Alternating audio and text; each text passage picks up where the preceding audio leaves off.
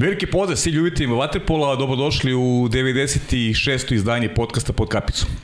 E, velike mi je čast i zadovoljstvo što ponovo u studiju imam e, veliko ime, legendu svetskog vaterpola, legendu srpskog vaterpola, čovjek koji kao trener i kao igrač e, osvojio bukvalno sve što se može osvojiti.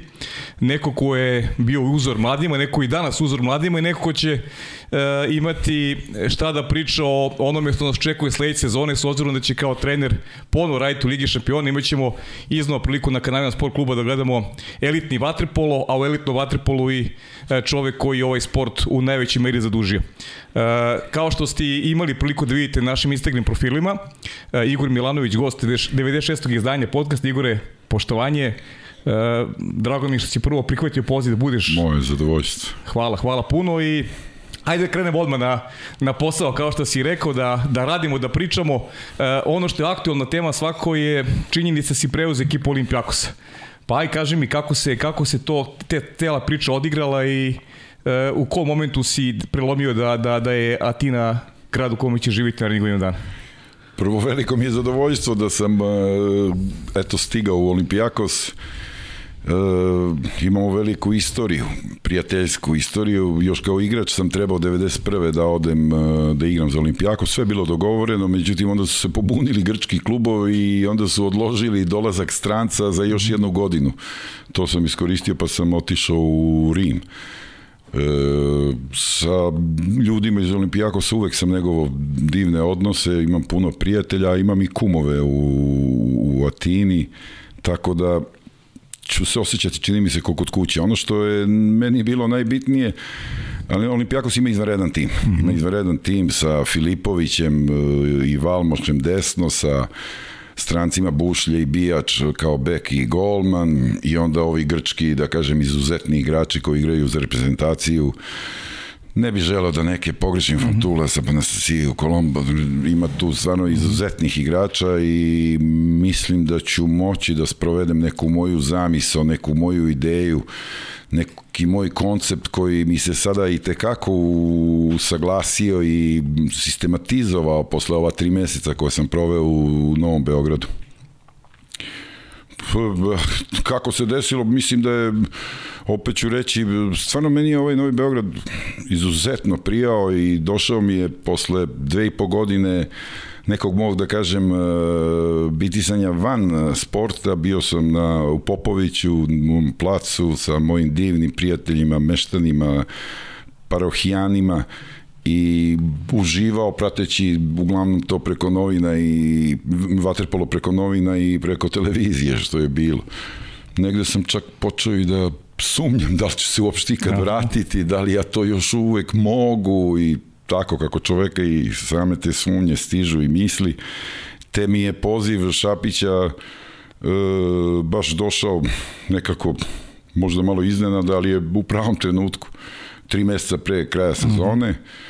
Prihvatio sam se poziva da kažem, to jeste bio vruć krompir, bio su izgubili od kup od Radničkog, izgubili utakmicu od Zvezde, od Vojvodine, mm. nešto nerešeno s Primorcem, tu je bila loša atmosfera, nije bilo igre, nije bilo tu nekih da kažemo, neke fizionomije, a igrači su izuzetni bili. Šta se dešavalo, nisam nešto mnogo nimao vremena da analiziram, nego s jednim konceptom čini mi se malo drugačijim nego što sam pre nastupao kao trener i u Partizanu, Reku i dalje Galatasaraju da ne pominjem E, sam prišao jer nisam imao vremena za neke strašne pripreme, pa sam mnogo uh, pažnje posvećivao atmosferi i uvođenje nekih sistema igre, koncepta. Naišao sam na jednu divnu saradnju sa igračima i uh mhm. -huh. igrači koji su me zaista na jedan nevjerovatan način otpoštovali i desio se taj spoj, zaista jedan divan uh, kojeg i dan danas analiziram jer mi je jako bitan taj spoj koji se desio i video sam posle u utakmicama koliko je bio bitan i hvala igračima, hvala prvo Šapiću što mi je dao uopšte mhm. mogućnost da u svom gradu, u svom novom Beogradu mm -hmm. budem trener, da otklonim sve sumnje uz ovaj divan tim, i na kraju što je otpoštovao ceo dogovor koji smo mi imali na početku kod njega. mi nismo imali dogovor za posle, oni su malo tu vrludali, ponašali se neko vreme kao da će biti, ne, nije me ni interesovalo, osim što me iznenadila posle direktorova ovog Slobodana Sora neka izjava gde je on iznenađen, neprijatno, jer treneru koji je bio u njima u opciji je otišao Olimpijakosa, on to sazne iz medija. I mene to malo iznenadilo jer nisam čovek koji priča o prljavim stvarima, o lošim stvarima, ne želim da se rastajem sa bilo kakvom gorčinom, mislim da je sve prirodno to što i žele drugog trenera i nije moje da razmišljam o, o tome. Međutim, ta izjava koja je provokativna i koja insinuira da sam ja malo neprofesionalan, da sam ja nešto kao nepristojan ili šta, šta je on hteo time da kaže je po meni plod nekog politikanstva, najviše neiskrenosti, a na kraju moram kažem i gluposti, jer mi smo imali sastanak u sredu, neku, posle ovog finala Lige uh mhm. -huh. šampiona, on se meni nije obratio. I četvrtak kad sam ga zvao i telefonom, on je meni rekao neku čudnu rečenicu, nemam dovoljan broj informacija da bi pričao o tebi kao treneru. Meni je to već bilo čudno, jer već dovode igrače Četkovića, ne znam, Filipovića, Filipovića dovode, mene niko ne konsultuje. Evo ja tebe pitam, šta bi ti mislio u tom trenutku? Pa da se na mene ne računa. I to sam i ja mislio. On mi izvrcao još jednom u subotu i rekao da i dalje nema informacija. Ja sam ga pitao, prosti Bobo, što tako pričaš? Koji je to rečnik? Nemam dovoljan broj informacija. I to kad kažem da je nepristojno, mislim da je u poneljak treba da mi kaže, ne računamo na tebe da bi mi samo dao dovoljno šansi i vremena da ja tražim klub a ne da me ostavlja tu kao nešto posle takva tri meseca čini mi se da još da on uvaljuje neku svoju neke svoje nesigurnosti na neki moj račun nepristojnosti i neprofesionalnosti to kao, kao što kažem, neiskrenost ne može više da me iznenadi, iako sam, nisam očekivao od sina Sora, mm -hmm. pa to licemer je neiskrenost, kako rekao, nije da može da me boli. Politikanstvo, svi se oni bave tim politikanstvom, ja taj rečnik nemam dovoljan broj informacija da pričam, ja ne razumem, ja sam ga i pitao šta ti, šta ti to znači. Uh mhm. -huh. Ali to što insinuira da sam ja njega trebao da zovem, Ja to ne razumem, jer ako oni imaju opciju da ja nisam njegova opcija, jer on može da da meni opciju da on nije moja opcija. Da, da, da. Mislim, to je valjda bar, kako ovi kažu, demokratski, ali kažem moralno, pa ono što ti radiš, valjda mogu, ako vidim da ne računate, dovodite igrače, cela čaršija bruji da dovodi kuma Žileta Gocića, kome želim sve najbolji, koji je divan čovek, divan Just. dečko. Mm divan uh, trener i mislim da će da super uspešno to vodi, ali ne znam čemu to, čemu prozivanje, zašto, jer on meni šteti i zato kažem glupost može da mi šteti, a zamislite vi sada da, da je to istina što je on rekao. Pa što ga predsednik kluba ne pita, je li bre glupane jedan, kako može trener koji ti računaš da ti ode, a ti saznaješ iz novina? Znači sve to licemerno, neistinito, sve se pokrivaju nekim, ne znam, nepotrebne neke pokrivalice i zato kažem da je to jako glupo. Kako može to tako da izjavi uopšte? Mislim, ja da sam predsednik kluba Novog Beograda, pitao bi, je li bre, zašto ja tebe plaćam, da ti iz novina saznaješ da naš trener na koga mi računamo, a koga ne konsultujemo pri dovođenju igrača, koga ne zovemo i kome pričamo da nema dovoljan broj informacija, pa ode i njega iznenađe. Drugo, ja stvarno moralno, stvarno go nemam uopšte negde obavezu da ja obaveštavam ovim privatnim stvarima Bobu Soru, niti bilo koga. Mm -hmm. Tako da, to me malo onako ujelo jer je u javnost uh, hteo da predstavi mene kao nekako nediligentnu ličnost, a mislim da sam vrlo profesionalan, lojalan, pristojan, uh, i tako dalje. Nisam se nikad bavio nekim crnilima, ovo sam imao dužnost da javnosti objasnim da ovo što on izjavljuje licemerno, neiskreno i nada se glupo. Eto, to sam mm -hmm. teo da kažem i to me malo pogodilo jer s tim momcima imam dobar odnos, a oni znaju gde su i kad, kako bili mm -hmm. sa mnom. Pa eto, to sam imao samo potrebu da objasnim, jer je insinuacije Bob Slobodan Sore sam morao da objasnim. Od mene niste čuli ni jedan intervju, preključe sam dao Dejanu Stejoviću prvi intervju. Do mhm. tada niti sam imao nijedan intervju, niti sam tada imao dogovoreno sa Olimpijakosom, ni, ni da sa da, Olimpijakosom se desilo tek 20 dana kasnije smo potpisali, znači to što je on insinuirao, znači on pročitao nekom tabloidima neku glupost, neku laž, pa onda on pravi neku konstrukciju, pa još mene proziva. Pa ja mislim da nisam zaslužio da budem prozivan, jer i ja mogu da prozivam. Pa dobro, ja mogu eto da potvrdim s ovog mesta da i, i ti ja smo se čuli u Maltene svaki nedelji i znam prvi put kad sam te zvao da, da, da si mi rekao da ne znaš ništa po pitanju svog statusa kad budeš znao da ćemo tada da razgovaramo. Pa eto, jest. to je bukvalno se, bukvalno se tako odigralo. Eto, istine radi moram, moram ovo da kažem. E, a kaži mi li ti iznenadilo kao trenera, kao neko ko je realno napravio uspeh sa Novim Beogradom? E, što nije postojala ta neka želja da ti ostaneš i dalje trener? Pa s ne jedne strane profesionalne malo me i iznenadila, jer to su teške odluke, pa se i ovaj Boba upleo, jer teško objasniti i javnosti, a i sebi, verovatno njima i tako dalje, zašto to oni neće. A oni to znaju. Negde sam ja i pretpostavljao da neće moći, jer e, moj sistem rada je taj koji imam potpuni integritet, ne, uh -huh. ne dozvoljavam da se bilo ko šta kako tu meša dok sam ja u, pored bazena i dok se pitamo o stvarima oko bazena. Ostalo me zaista nije ni mnogo interesovalo.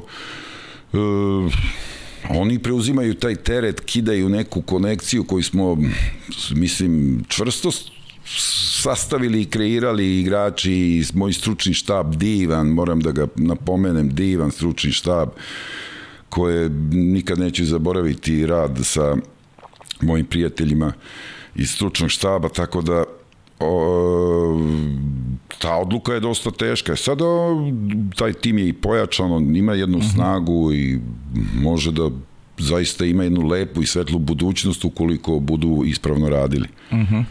E, ti si neko ko, ko je e, s ovim momcima radio i ranije, sa, eto, sa, ne, ajde da kažem, većinom tih momaka i e, puta ta, maltene ta generacija koja je obeležila, ajde da kažem, ovu epohu srpskog vaterpola osvajanjem i dve zlatne medalje. E, ne, neko jezgro tog tima, do dušo i mlađi momci su bili u, u, u ovom timu. E, znam da si mi pričao ranije kad si bio u podcastu šta si radio s ovim momcima Andrijom Fićom, da ste išli u pozorište, da je to bila neka, neka edukacija. Rekao si malo pre u onom izlaganju da si e, se sad postio malo drugačiji odnosno na taj period. Šta je to Igore bilo drugačije što te nagnulo da, da, da, da možda malo promeniš u nekom, nekom svom radu?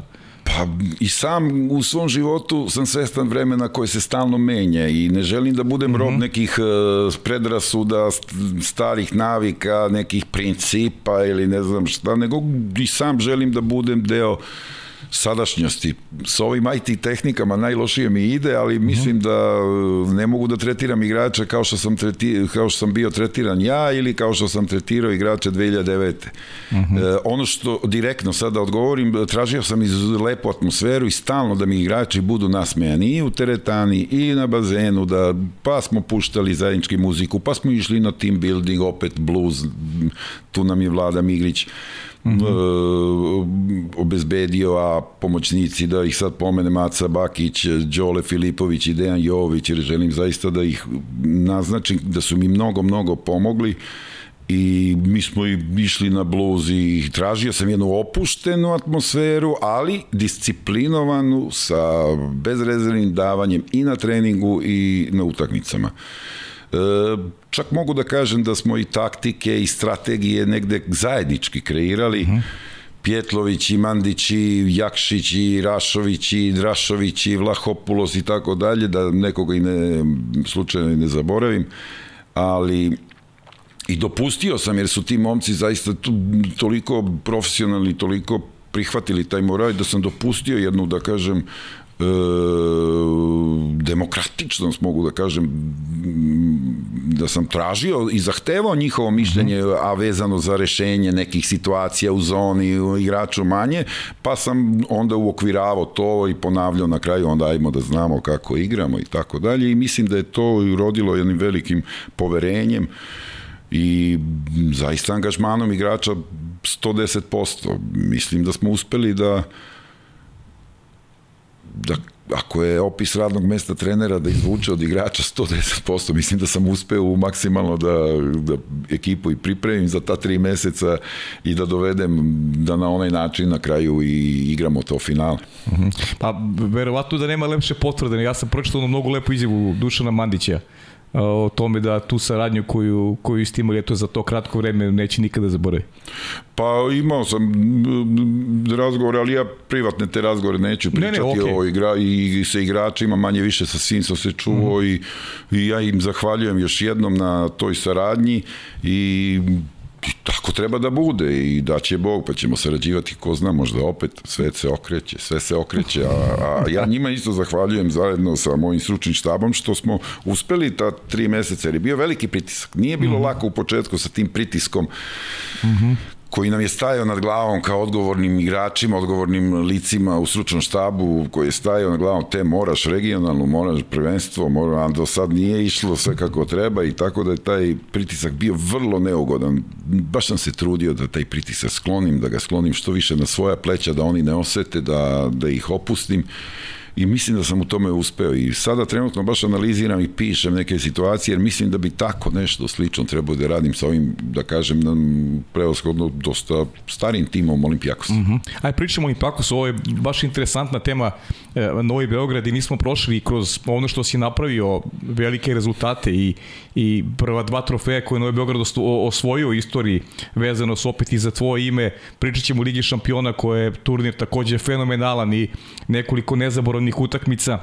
Uh, kaži mi prvo, kako si video rivale u, u toj regionalnoj ligi? Vrlo naporno takmičenje, E, podudaralo se i sa srpskim prvenstvom, s obavezama Lige šampiona, pritom e, da ne zaboravimo, e, Novi Beograd je tražio opet što bolju poziciju u ligaškom delu Lige šampiona i zbog nekog žreba i tu si imao neku obavezu da se da se da rezultat bude što kvalitetniji. Kako si uspevao da pronađeš balans u sva tri u sva ta tri takmičenja i sa posebnim akcentom na na trofeje koje ste osvojili u regionalnoj ligi i u narodnom domaćem prvenstvu? Ko su bili najbolji najveći rivali? Kako ti je sve to izgledalo? Pa u prvenstvu i u domaćem takmičenju sigurno taj radnički koji je već uspeo da nadigra e, Novi Beograd u kupu je bio najteži protivnik uh -huh. i, mhm. i čestitam i ekipi radničkog i rukovodstvu od Jugoslava do mog e, divnog Uroša Stefanovića koji radi veliki posao da, u tvog nekadašnjeg pomoćnika. pomoćnika i ja sam sretan kad vidim kako to on lepo vodi i kako E, taj klub iz godine u godinu je jači i jači i stabilniji i stabilniji. To je jako zanimljivo i sigurno od njega ima sada se što i pokupi i nauči. I ta ekipa je izuzetna po svim aspektima od centara do vanjskih igrača, bekova i golmana, tako mm -hmm. da sa radničkom je bilo jako onako nategnuto.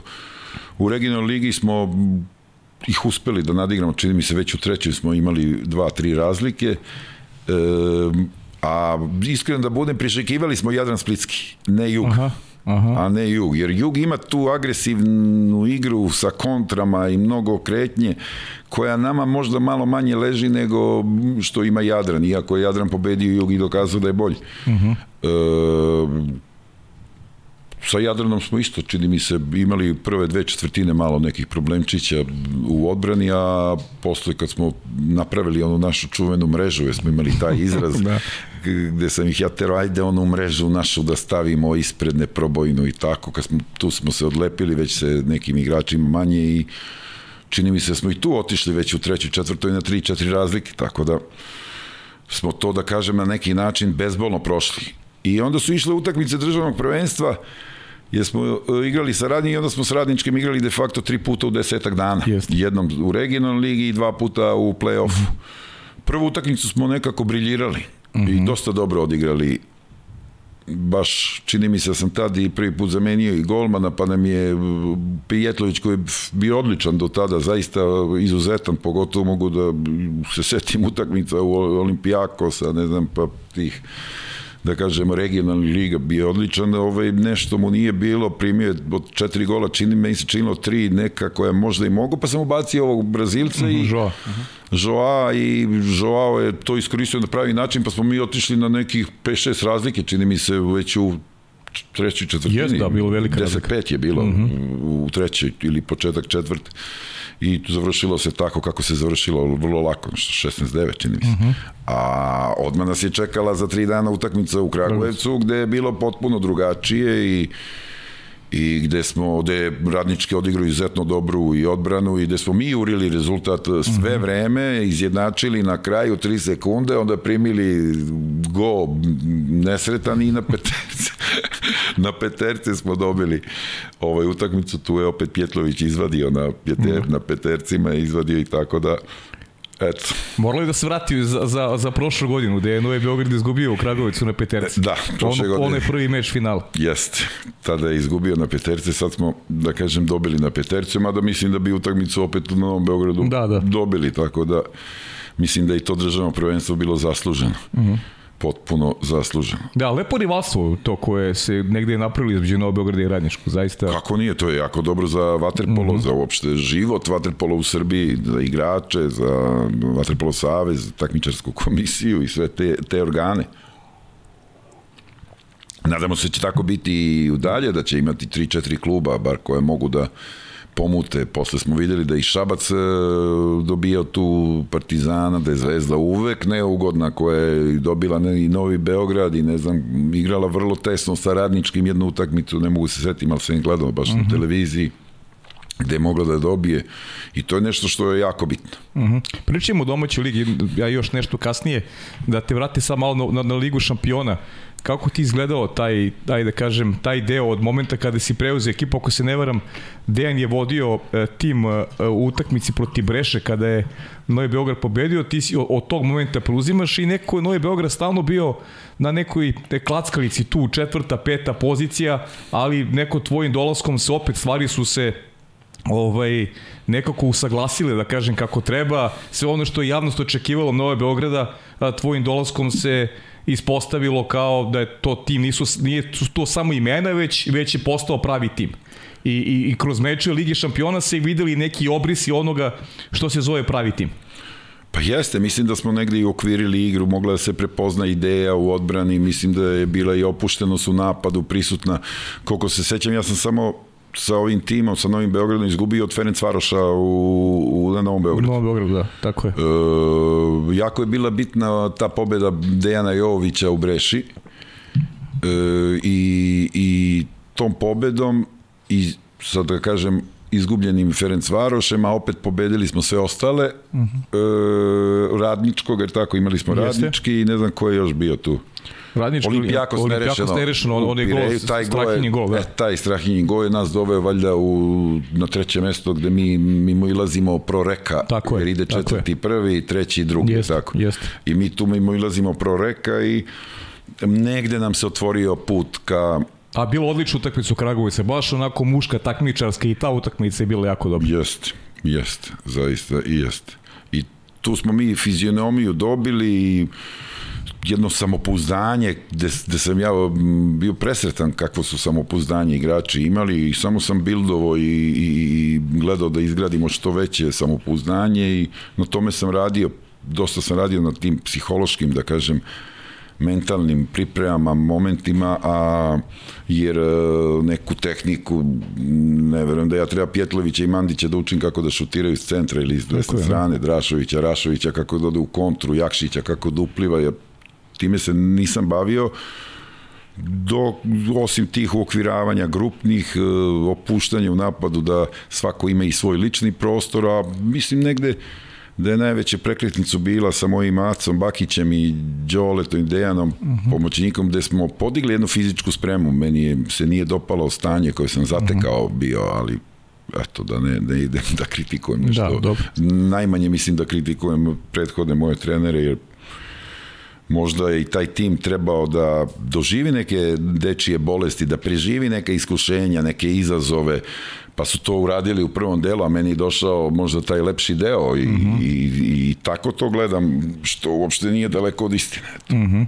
A kaži mi, ako, ako mislim možda odgovoriš, što mi sad nešto prošlo kroz glavu, nisi dve i po godine nisi ovaj, radio, ali si naravno pratio šta se dešava. Te možda neko od igrača iznenadio u nekom Pozitivnom smislu da se vidio neki napredak koji možda ranije u tom radu nisi mogao možda i da naslutiš ili tako neka stvar koja je onako uticala na tebe da kažeš ha vidi ga ovaj baš je, baš je postao pravi igrač Pa manje više se sam poznavao te uh mhm, -huh, igrač uh mhm. -huh. i pratio sam da kažem sa ekrana i koliko je moglo sa onih streaminga i tih utakmica.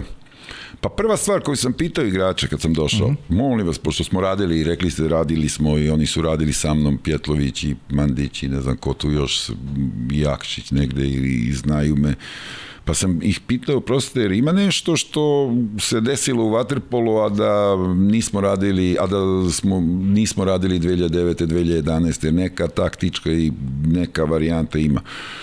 I oni su se razmislili i nije bilo. Uh mhm. -huh. Mislim da je i tad bila neka avangarda kako je Partizan igrao 2009. Uh -huh. u odnosu na to vreme i Kažu nije. Imaju neke varijante sa igračem više koje su možda za mene bile neobičajene, ali to sam radio u proreku sa ulazkom oba krila, to je Dejan Savić usavršio. To -hmm. je do, bez prekornosti doveo na olimpijadi u Tokiju. -hmm. u Tokiju i to je bilo divno gledati našu ekipu kako pametno igra sa tim -hmm. ulaskom oba krila gde Fića i Mandić sa ove strane, ne znam, ovamo Rašo, pa čekaju stative koji su monstrumi Jakšić i Pjetlovića i tu je samo trenutak bio bitan koliko su go golova dali, a opet otvaraju prostor ovim vanjskima koji su onda bliže. To mi se dopalo i to smo isto usavršili i imali smo te opcije. Imali smo pripremljene neke varijante, pa je baš bilo tu slatkih varijanti koje su uspevale baš u bitnim trenucima, što je meni onako i s te strane ogledalo te psihološke spreme jednog tima kad ti sve varijante koje si predvideo uspevaju baš onda kad je najbitnije i to je bilo lepo. Uh -huh. Ali nešto novo ja ne vidim još uvek u Waterpolu. Čak mislim da još neke ekipe još ne shvataju kako još neke faze u odbrani trebaju da se igraju. Uh -huh. Ali eto, mislim da eto dosta veliki broj igrača, veliki broj ekipa igra na jedan sličan način, to je jedan jaki pressing, pa povratak u zonu sa 3-4, sa 3-2, 1 I ovde, recimo, u ovoj rečenici sam rekao malte ne celu taktiku koja postoji u Waterpolu, ali nije stvar u taktici šta se igra, nego kako se igra, kako se to mhm. odigrava i kako se trenira da bi se to odigravalo i tu ja mislim da treneri mogu da prave razliku. Uh. -huh. Počeo te vratiti do Olimpijakos, nešto mi se jako dopalo, što si rekao na početku, pa vidjet ću koliko mogu da izvučem iz tebe vezano za, za tu temu. A kaži mi taj finalni turnir u Beogradu koji je onako, da kažemo, igrački zaista bio fenomenalan iz mog ugla. Imao sam priliku da komentarišem sve utakmice, stvarno je bilo uživanje gledati mečeve. Novi Beograd je bio aktor 2 neverovatna duel. Bukvalno ono protiv Breši i protiv Pro Reka je, je bilo fenomenalno. Nažalost, završilo se kako se završilo, ali mislim da, to sam i rekao ovdje u podcastu, svi zaslužujete čestitke, ovaj, ceo klub i igrači i ti kao trener, tvoj stručni štab. Šta je to nedostajalo da, da, da na kraju Novi Beograd osvoji titulu prvaka Evrope ajde neka tvoja analiza, nismo li prilike da sada pričamo a, cijelog turnira? Pa sad, prvo da li smo mi bolji tim od Proreka? Da. Recimo, postavimo to pitanje. E, mislim da je došla do izražaja ta fizička i taj šira klupa gde moj kolega Sandro Sukno imao dva stalno dva igrača u, u letećoj zameni, u onom prostoru za leteću zamenu gde je menjao iz odbrane u napad, e, odmarao centre pa ga ubacivo za napad, dok ja zadnjih 3-4 minuta nisam baš smeo da ove matore pretpostavim mlađima i da mlađima dajem tu neke odgovornosti, išao sam tu beskrajno do kraja da, da, da, da, da, da probamo da izvučemo zadnji atom snage. Vodili smo dva puta na dva razlike i tu ostaje veliki žal oko dva gola koje smo primili nesretno, onaj sa centra gde smo trebali da pokupimo loptu i jedan tamo golmanu što je ušao, čini mi se što nije trebao mm -hmm. do zadnjoj sekundi napada, ali sada mislim opet izgubiti na penale, pa to je neka lutrija. Možemo samo biti zadovoljni da su igrači dali 110%, a sad rezultat nekad isklizne. Mm -hmm. Ako ćemo da gledamo iskreno, mislim da smo mi tu nadigrali prorek. Pa, Mislim da je proreko bio na kolenima. To što nismo izvukli na snagu na kraju i to je eto, za analizu ili za Božiju mm. analizu. Oni su stano jurili. Veče pre toga smo mi jurili. Jeste. Veče pre toga smo mi jurili, Breša igrala izuzetno agresivno, izuzetno dobro i onako malo nas probušila u odbrani, pa dok se mi nismo ostaložili, pa smo mi dali go u zadnjoj sekundi, mm -hmm. jer mhm. tako? Tako je. Tako da Bog daje, Bog uzima. Mm. I tu je, tu je, meni je kao treneru najbitnije da sam ja izvukao 110% iz moje ekipe, a sad rezultat dođe, rezultat nekad i ne dođe, nekad je pravda, nekad nepravda, ali ovo je negde najbitnije za mene. Normalno da je ostao veliki žal i gorčina posle te utakmice, znam da sedam Videlo dana... Videlo se na tebi, ona izjava. Pa nisam mogao da dišem više, jer sam skupljio i gledam Martinović, Vučinić, Gogo, a onda treba zamenim, ne znam, Rašovića, Jakšića ili Mandića ili Vlahopulosa ili kako... Jer me Mhm, tu... Kapiram, da. Možda sam ovo što sam Jakšiću rekao da uzme sidro, on mi kaže imam dve liče, tu jedino vidim gde sam možda Aha. mogao da još insi- izinsistiram, pa možda onaj go ne bi primili ili ne znam šta. Ali tu jedino vidim gde sam možda onako, ostalo su bile vezane ruke Da. i molio sam se Bogu. Ne, onaj i- i Jakša koji je odigrao fantastičnu utakmicu i na kraju onaj peterac, sve to A prosto ne, ja ne bi o neće, petercima da pričam. Da, da, okej, dobro. Stvarno, pa m, pričam, i ja sam promašivao peterce i Mandić i Jakšić i sad pričamo o petercima, ne, to je meni nesportski čak. Jeste. A, a znaš da, da si odako iznenadio možda javnost? Joao Pedro koji je imao konstantnu prednost u odnosu na, na Gojka. Pa pokazuje u onoj radničkoj utakmici, pokazuje već na treninzima, Zato vraća, zaista da. Mhm. na treninzima je pokazuje jedan boljitak, m, stalno mi je Gojko bio dosta onako nesiguran i primao neke goliće i uzeo sam i onda i tu je i ekipa reagovala, onako ima, vidim da je ta da je ekipa dobro grupno odreagovala onda u radničkom. A ja sam sa Gojkom samo hteo da na jedan dostojanstven način i njemu e, dam priliku za kraj i da na jedan dostojanstven način i on završi ovu sezonu. I pošto poštujem tu porodicu i Pjetlović i roditelja i braću, i negde sam ih i doveo iz e, Novog Sada u Beograd i znam tu istoriju. I onda sam samo hteo na jedan dostojanstven način da i Gojku koji ima 39 godina da ne bude neki ružan način, neki kraj, pa pa sam s tim u vezi rekao da će igrati do play-offa, a Ligu šampiona neka počne neki, neku svoju karijeru i taj Joao koji je jedan divan dečko koji je izuzetno inteligentan momak i mm -hmm. pokazivo na treninzima izuzetnost. On je izuzetnost, to trener ne sme da ostane nem na, tak, na takvu neku razliku i na takvu želju i na takav, da kažem, mm -hmm. mislim da je to bio uspešan potez. Vidiš da će neki veliki prospekt kad je on u pitanju za budućnost. Ja mislim da on ima budućnost. Uh -huh, uh -huh. Baš zato što sam rekao inteligentan, vredan, ima snagu, brzinu, mislim da još treba tehniku da tekako popravi. Pa ono što, ono što sam propustio, video sam prvi penal kad je odreagovao, javio sam video da on uopšte ne zna da brani penal. I onda sam odmah promenio, stavio Gojka koji je opet doneo i u tim petercima, onaj promašio da, kad jest. ga je Gojko izdriblovao, kad mu ga je dao Gojko neku mm. psihološki ga je malo izdriblovao, da kažem, i tu je lepo uradio, ali eto, Kad si se probudio, pošto vidio se da si, da si pod emocijama onoj izjavi posle utakmice ili si uh, rekao sebi, ok, uradili smo maksimum, ovo je stvarno sjajna sezona, štete, eto, sa dva kluba si bio prvak Evrope kao trener, uh, Ni... Mene te statistike uopšte ne doziraju. Da. To me ne interesuje. To sam to me nije palo na pamet i to me svakako da gorčina stoji posle poraza. Uh -huh ali tu noć smo i bili nešto u skadali svi igrači i sedeli uh -huh. smo onako malo i provejavale žal tuga, a i radost i zadovoljstvo, satisfakcija od onog što smo dali. Tu nije uh -huh. nigde bilo i Ni tada im nisi dao da skidaju osmeh.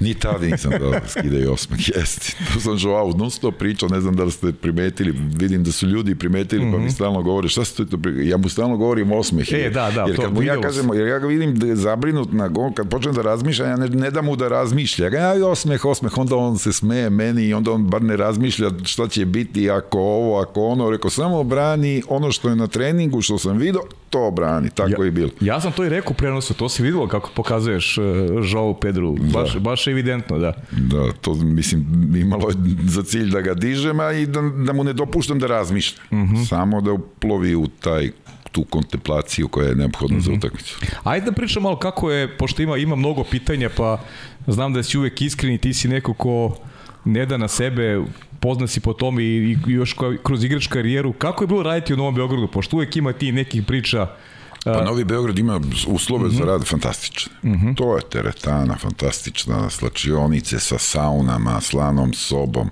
bazen zagrejan, da kažem dovoljno i termina, onako smo imali zaista uslovi fantastični. Uh mhm. -huh. Tu ne znam da li neki svetski klub ima takve uslove. Uh -huh. I meni je jako bilo prijatno, pogotovo što stanujem tu odmah preko mosta, za 10 minuta sam na bazenu, kažem sa pomoćnicima kojima tu sam odmah video i dobio poverenje u Acu Bakića koji je vodio teretanu. I mm -hmm. prva dva, tri puta sam došao s njim popričao par rečenica onako da ja dajem neke generalne instrukcije šta hoće, onda ga pratim da vidim kako radi, bio sam presretan i prezadovoljan kako radi I tu mi je olakšao, jer, jer sam stalno pričao u teretani, vi sa igračima, ja samo prošetam malo tu, napravim atmosferu i onda sam odlazio i šetao tu preko puta 11. aprila ima onaj stadion i onda sam i upoznao Kozomara, profesor, divni ljudi, moj zemljak sad mi stade mozak,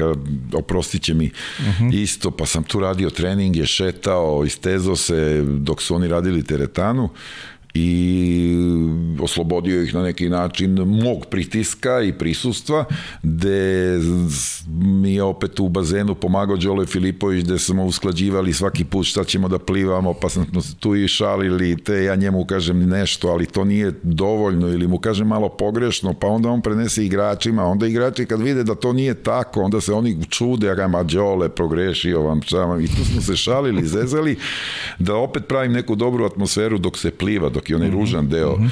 da ne budem ja taj koji opet nešto skiči, vrišti, a preuzeo sam onaj deo taktike, tehnike, uigravanja, potpuno na sebe i mislim da je to urodilo plodom i to može tako da se dešava. Dejan Jovović je bio zadužen za golmane i s njim sam imao lepu saradnju jer smo i tu i tu tempirali neke stvari, da kažem. Mhm. Mm Aj, vezano za to igrač opet i nešto interesantno, onako prolazi vreme, stavimo Igore svi, pa... Nemoguće. Nemoguće, da. Nemoguće. E, koliko je, koliko je ovaj, teže sada, generacije se menjaju i sam si rekao, radio si ranije sa Andrijom, sa Fićom, sa ovom, sa ovom super trofejnom generacijom. Koliko je sada teže onako prići mladima? E, šta je to što... I to, se, I to je neki proces koji se uči. Opet treba malo negdje i njima da, da se prilagodiš. Ko, ko, koliko je to teško, Igore, danas ovaj, napraviti? Meni je možda za nijansu lakše, jer sam uh mhm. -huh. pohađao tu višu pedagošku školu sa mojom razrednom Ilijanom Sinđelićem, profesorom psihologije, pa tu neke zakonitosti iz psihologije, iz grupne psihologije, iz grupnih motivacija, individualnih motivacija, tu neke zakonitosti znam, pa umem da prepoznam i neke procese na vreme, da ih ugušim ili podstaknem ako mm. ne valjaju ili su, ako su dobri, ali nada i i mislim da mi to jako pomaže u trenerskom pozivu, to što sam pohađao dve godine više pedagoško. A s druge strane, Ovi igrači su profesionalci, samosvesni, dvostruki, olimpijski, trostruki, svetski, sedmostruki, evropski, ne znam mm. šta nisu osvajali, pa ti ljudi znaju sami sebe, ne treba ja njih nešto dodatno mnogo da motivišem. Njih može da motiviše znanje, da se autoritet bilduje na ispravnim instrukcijama, a opet rekoh, iz druge strane, taj atmosfera koja se postiže iskrenošću. Mislim da su oni prepoznali u meni jednog iskrenog lika koji beskompromisno ide i želi da pobedi i koji želi njima da pomogne da najlakše pobedimo i, i, i, i tu je taj spoj i bio po meni najjači. Oni su prepoznali iskrenost. Mhm. -huh. E, dok traje utakmica, pa pre onih peteraca, kad gubimo, primamo dva gola, vodimo dva razlike, pa ne znam, tu nema prostora za licemerje, neiskrenost, politikanstvo i tako te stvari. Tu si iskreni, ako hoćeš 110% da se izlači, mora da se i sa igračima do, da im se dopusti da i znaju istinu u tebi. E sad, da li će neko da bude stroži, neko blaži, ali mislim da iskren mora da bude. Uh -huh, uh -huh. Ne sme da se igrači po meni ne smeju ni na koji način da se dezavuišu. Da. Da se manipuliše sa njima. Uh mhm. -huh. Da se odvodi. Ah. Tako da, eto, dosta smo se bavili nekim stvarima koji ne pripadaju sportu, pa možda i to razlog što nismo na kraju pobedili. Kao na primjer? Pa dobro, ja ne bi pričao zaista o tih tri meseca da ja pričam nešto što se meni nije dopadalo, to što nije na moju štetu. Ja mislim da to nije lepo. Ok. To nije lepo da, Pošteno. da, da čovek priča o, o, ne, o nečemu, jer to može da naškodi nekim ljudima. Znači, ovde ka, kad sam ovo na početku rekao Slobodanu Soru, Slobodan Soro je tom glupom izjavom meni naškodio. A ja znam da on nema nameru da mi naškodi, ali ne možemo tako da se prozivamo. Zamislite sad kad bi ja počeo pričam šta, šta sam ja sve doživio, šta mi se nije dopalo, šta nije u redu. I to nije lepo. Među džentlmenima, među ljudima iskrenim, jer ja sam iskreno bio lojalan i a, ne daj Bože opet ili daj Bože opet ili bilo šta, opet ću biti iskreno lojalan i biti profesionalan, kao i uvek. Ali da ja pričam sada Boba ovo, ovaj ovo, ovaj ono, ja nemam nameru time da se bavim. I moram da vam kažem, meni je ostalo samo lepe stvari. One oči igrača, poverenje, ona naša zajedništvo, ono naša sreća kad pobedimo, pa i tuga kad smo izgubili od Ferenc Varoša, pa i rešavanje tih problema koje smo imali zajednički, ta sabornost. Meni samo to u glavi. I ne želim ni jednim drugim, nikakvim drugim stvarima da se bavim, jer kako rekoh, ništa ne mogu dobro da iznesem. Ja mogu samo da naškodim, ne znam, i da ne znam, ispadnem neka tračara. E, moj posao sam uradio maksimalno lojalan, lojalno, profesionalno, prezadovoljan sam čak kažem, jednu greškicu sam imao ovde, rekao sam Da, ovo Jakšić mhm, tu, sa Jakšić, da. jer uvek gledam da izanaliziram šta sam mogao bolje, šta je, nisam od onih trenera što nikad nisu pogrešili, a ovaj, e, samo to, to, sa to, sam to analizirao sa ovim mojim pomoćnicima i videli smo se par puta i tu smo našli da smo mogli bolje, a ostalo je stvarno bilo divno. Još jednom zahvala stručnom štabu i igračima na, na takvim, da kažem, odnosima, na takvim danima, na takvim uspesima, ja sam presretan. Jer ja sada sam u naletu i opet mi je Bog podario, imao sam par ponuda, i, ali Olimpijakos da u ovom naletu, u ovom, sada bilo bi mi, stvarno bi se loše osjećao da ne radim na nekom vrhunskom nivou, jer sam zaista pokazao i čini mi se čak, ako smijem da kažem, tek mi se sad posle tog Final Eight-a stabilizovalo tačno šta treba, kako treba, još malo umem da znam kako bih malo napredio i treninge i da budemo agresivniji. Mislim da ću u Olimpijakosu imati instrumente da to pokažem. I sretan sam zbog toga i čak uzbuđen malo. Pa vidi se ta žar u očima, moram ti kažem. E, hvala, ali, ali I zaista to se- ono kad smo se čuli tija prvi put, ono, baš sam, baš sam primetio koliko ti je, koliko si srećan u stvari zbog toga što se otvaraju neki, Jeste. neki novi vidici. s jedne, opet druge strane, čudno mi je bilo i malo sam se bez veze osjećao da, da ne mogu da nastavim započeti posao u Novom Beogradu. Mm, Da, da. I to je na neki način, negde čini mi se oduzeto na nekoj božijoj, tako kažem, pravdi, ali opet govorim, Šapić je bio vrlo korektan i vrlo, da kažem, ok sa mnom, isplaćene i premije i do krajnjeg dinara. Nismo imali dogovor za dalje. Da. E, to se da ti pita kad si dao si mi sad šlagvorta i rekao sam ti da, da je mnogo pitanja bilo, pa ti ovaj, ovaj, vidi kako ćeš sa, da, da, mislim, ono, ja ću ti postaviti pitanje, pa ti vidi da ćeš da, da odgovoriš. E, Čaršija, svašta priča, Čaršija. Aleksandar Šapić, e, kakav je, ili se meša u rad e, trenera, ili pokušava to da radi, ili, ili su to samo čaršijske priče? Ja ne bi o tome pričao, ja sam imao jako korektan odnos sa Šapićem. Uh, ako mi se nešto nije dopadalo, ja sam mu to i jasno da stavljao do znanja, a i on meni. Uh, ali osjećao sam podršku njegovu, moram da kažem da sam zaista osjećao njegovu podršku i čak i kad smo izgubili, čak i kod promena golmana, pa čak i kod svaki put i umeo da zovne i svaki put nešto posle utakmice mi kaže, uglavnom su bili superlativi i bilo je tu reč, tako da ja stvarno uh, ne bi pričao recimo o nekim stvarima koje mogu, njemu ne mogu, mogu da idu, ne idu u prilog ili da ja nešto tu trcam, jer sada je Šapi, ja mu najlepše želim sve najlepše i sa klubom i privatno i na ovoj novoj funkciji koja jeste i ja sada pričam o gradonačelniku nešto loše, ne pada mi na pamet. Ne pada mi na pamet, pogotovo što prevladava iskreno i mi mislim da bi sad ovde da sedimo mi bi bili vrlo u prijateljskom uh, atmosferi. Želim da kažem da, evo Šapić ovde da sedi, siguran sam da bi bili u vrlo prijateljskoj atmosferi sa poštovanjem gledali jedan na drugog, tako da, Da. nemam nikakav problem da iznosim neke tračeve. To bi mi izgledalo ovde, ja gledam sad malo, malo pa neki ljudi pričaju, ne znam, o nekim poznatima, pa iznose neke tračeve, Da, pa da. nešto se pljuju, pa ne znam šta to znači. Pa to što ja imam prilike, sam imao prilike da sarađujem sa Šapićem ili poznajem nekog poznat, ne znači da mogu sutra treba pričam naše intimne stvari. Eto, tako sam vaspitan, tako ću da se izdržim, pa tek koliko me neko napada ili me optužuje nepreno, onda moram da ću se braniti sigurno, ali ovako mi ne pada na pamet da pričam, pogotovo što u mojoj glavi toliko divan taj period tri meseca mm -hmm. koji je bio nabijen uh, sa puno utakmica, iskušenja, to regionalna državna prvenstvo, Liga šampiona, drž, ne daj, za tri meseca sam. A, Ajde sprego što pođemo na, na, na Novi Beograd, na, na Olimpijakos, pardon, da zaokružimo neku tu sliku onome što si primetio vezano za, za domaći regionalni vaterpolo, vezano za neki, neki napredak, kako ti se čini ova srpska scena, ove godine je stvarno konkurencija bila prejaka, jaka zvezda, jak je bio i Partizan, Šabac koji je iznenadio sa, nekom, sa nekim, nekom postavom koja je mlađa i sa trenerom koji je, koji je relativno, eto, novi, ajde da kažem, koji se pojavio sada, Pa kako ti sve to izgleda sa, eto, akcentom, pošto nas gledaju regionu, hrvatski, crnogorski klubovi, kako vidiš ovaj budućnost e, i srpskog i regionalnog vaterpola?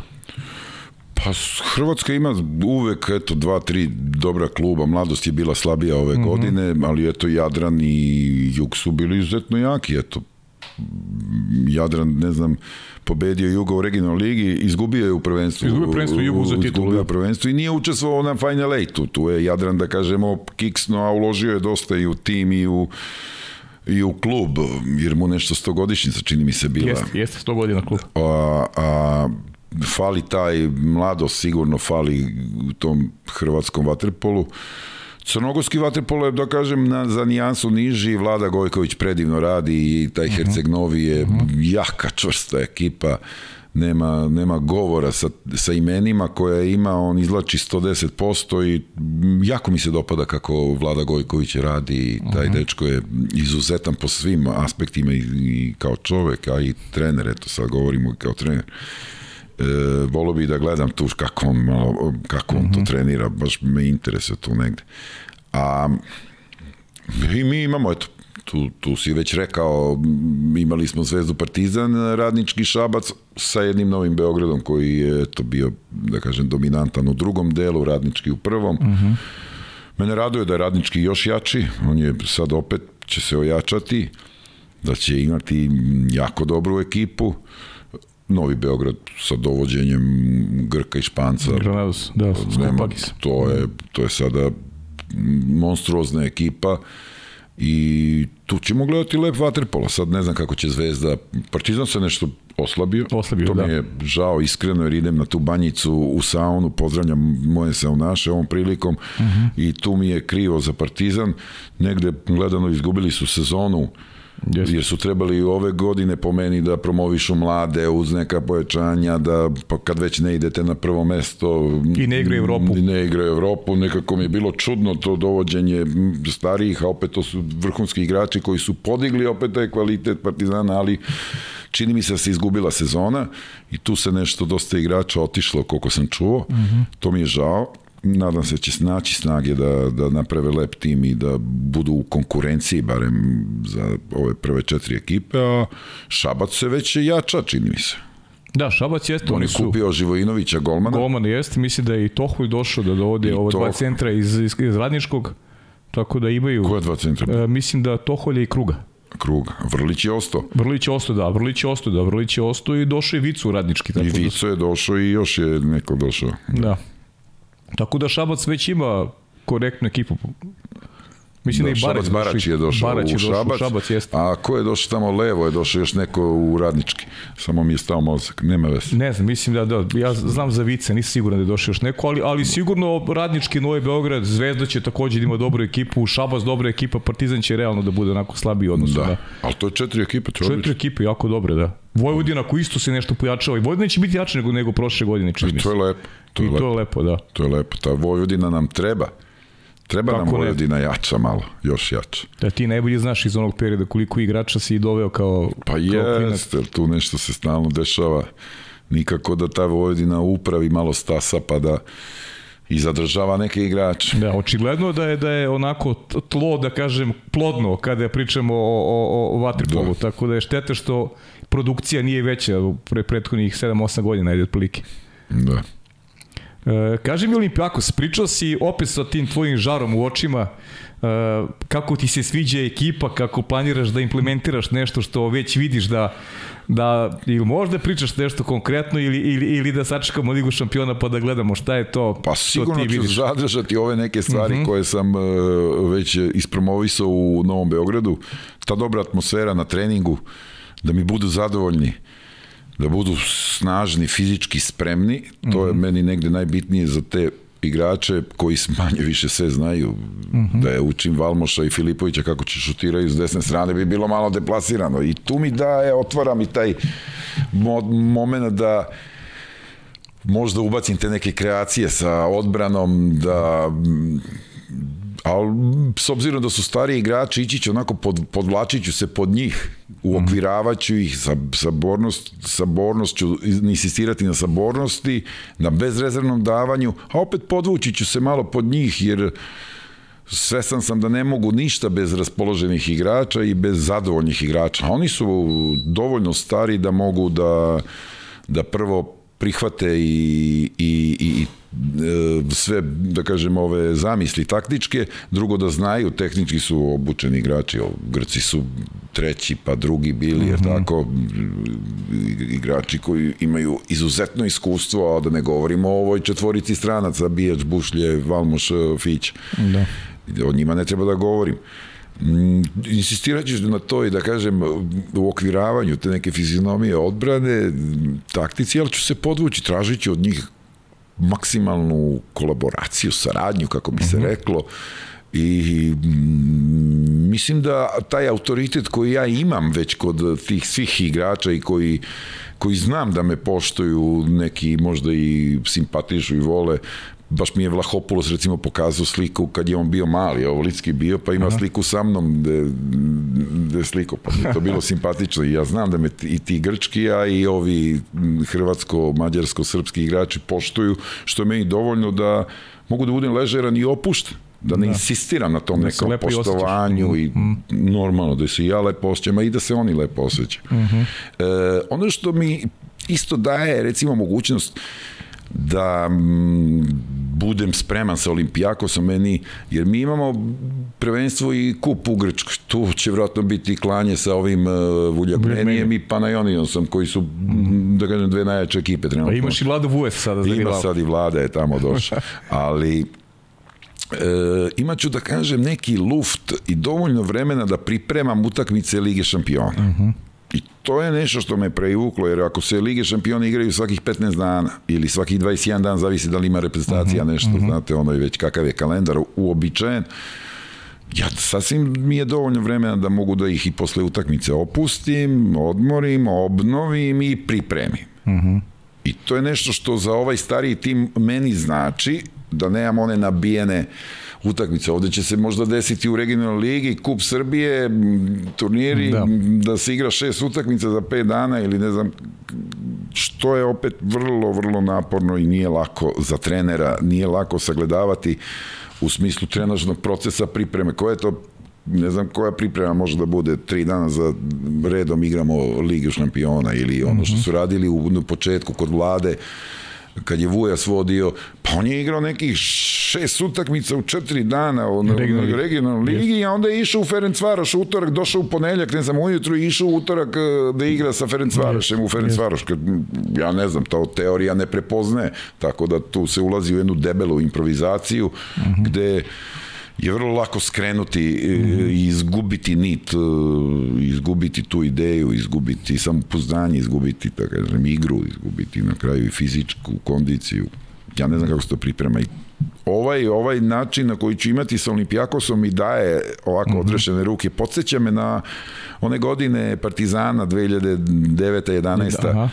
Partizana gde smo bili neprekosnoveni u prvenstvu, a imali te Lige šampiona gde sam ja mogao njih da i odmorim ponedeljak, utorak, pa sreda, četvrtak, petak, jaki treninzi, pa da ih za dve nedelje lepo pripremim da mi kad istrčimo na teren, mm -hmm. srce ostavi. da, da, da. Ja, pritom imaš, imaš Igore u Atini I tamo ima džez koncerata, verovatno, ima i, ima i pozorišta. Ne, tako da. oni slušaju samo buzuki. samo buzuki.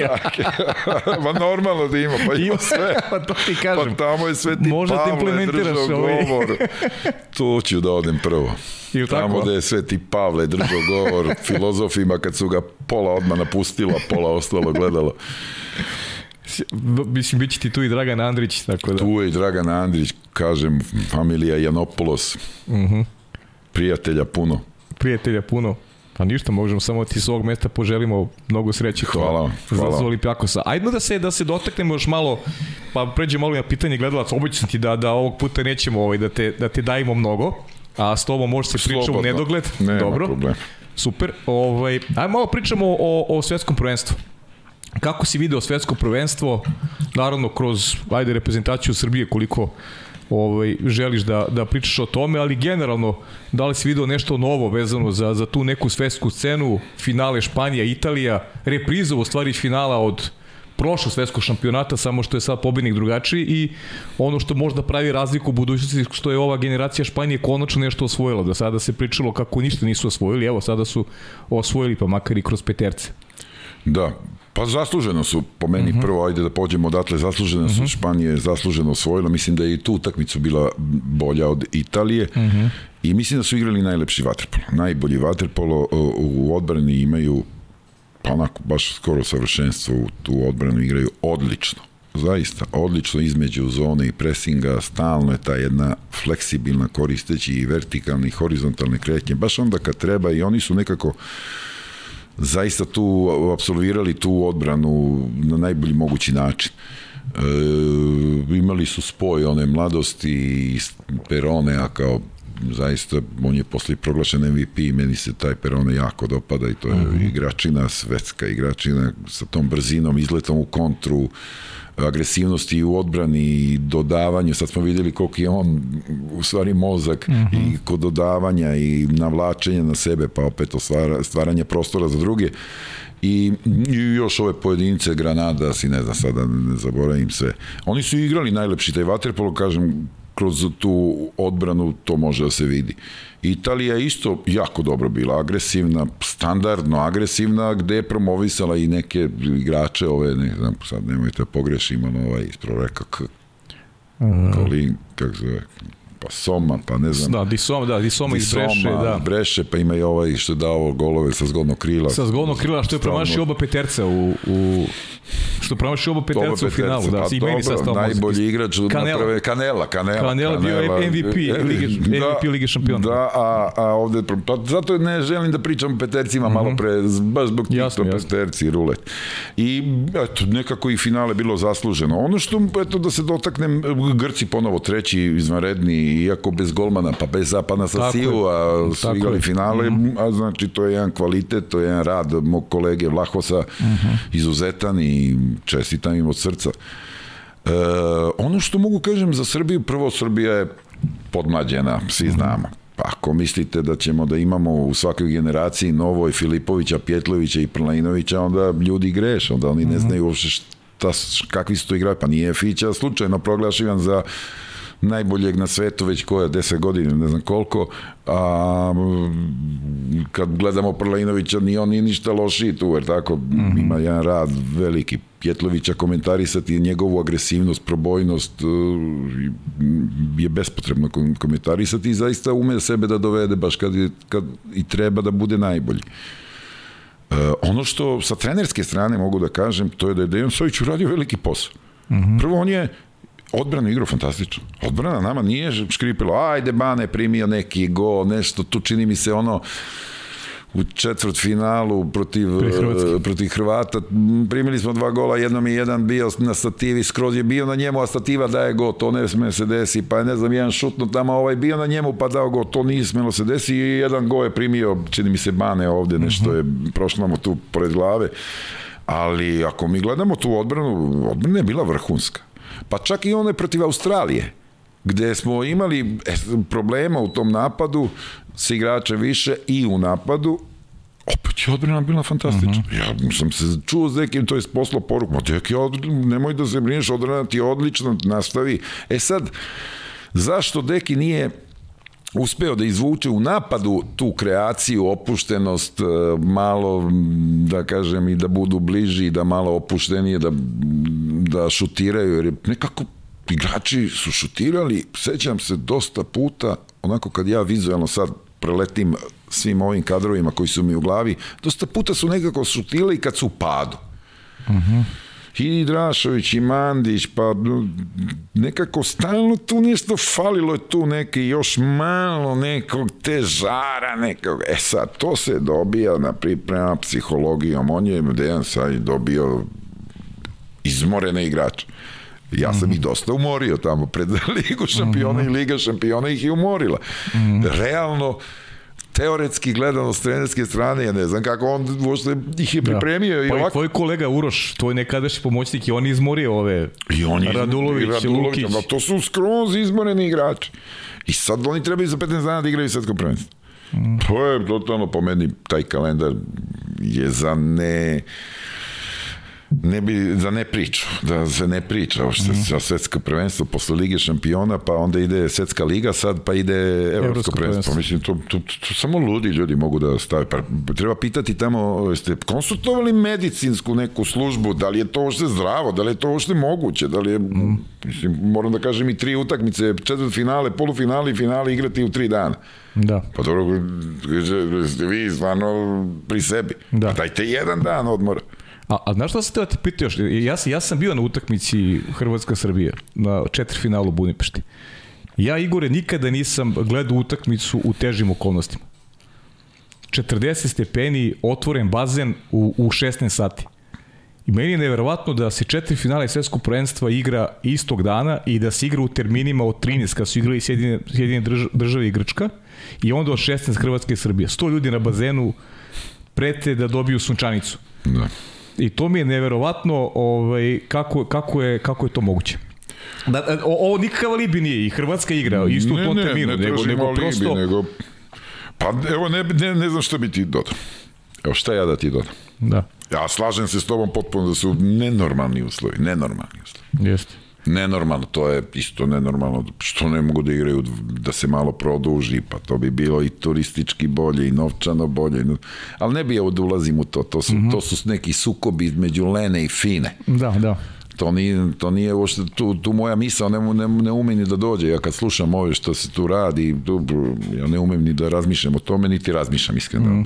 E, to se još jedna stvar kaže baš želim Ono što sam samo hteo mm -hmm. kažem da je Dejan Savić sa trenerske strane uradio sve što može da se uradi. Ja ne verujem da bi bilo ko mogao drugčije nešto da uradimo uz onu napomenu, pa nema sada Fiće, Prleta i Pjetlovića. Da, jasno. Pa mislim, nekad smo igrali isto loše, ali Fića da dva gola na kraju, Pjetlović ga ugulja, Prlejnović da. oduzme loptu i da go mm. i onda mi rešimo na neki individualni kvalitet i mi svi se radujemo, a mm moraće još da malo vreme prođe da dobijemo te igrače. Da, još jedna teorija koju sam baš tobom i želim namrno da je podelim, opet, nije to nikakav alibi, u krajnjem slučaju biti peti u svetu, ko je još peti na svetu, ja ne znam u čemu smo još peti na svetu, ali jedna teorija prosto kao neka smernica za kreiranje kalendara ovih ljudi koji vode recimo regionalnu ligu.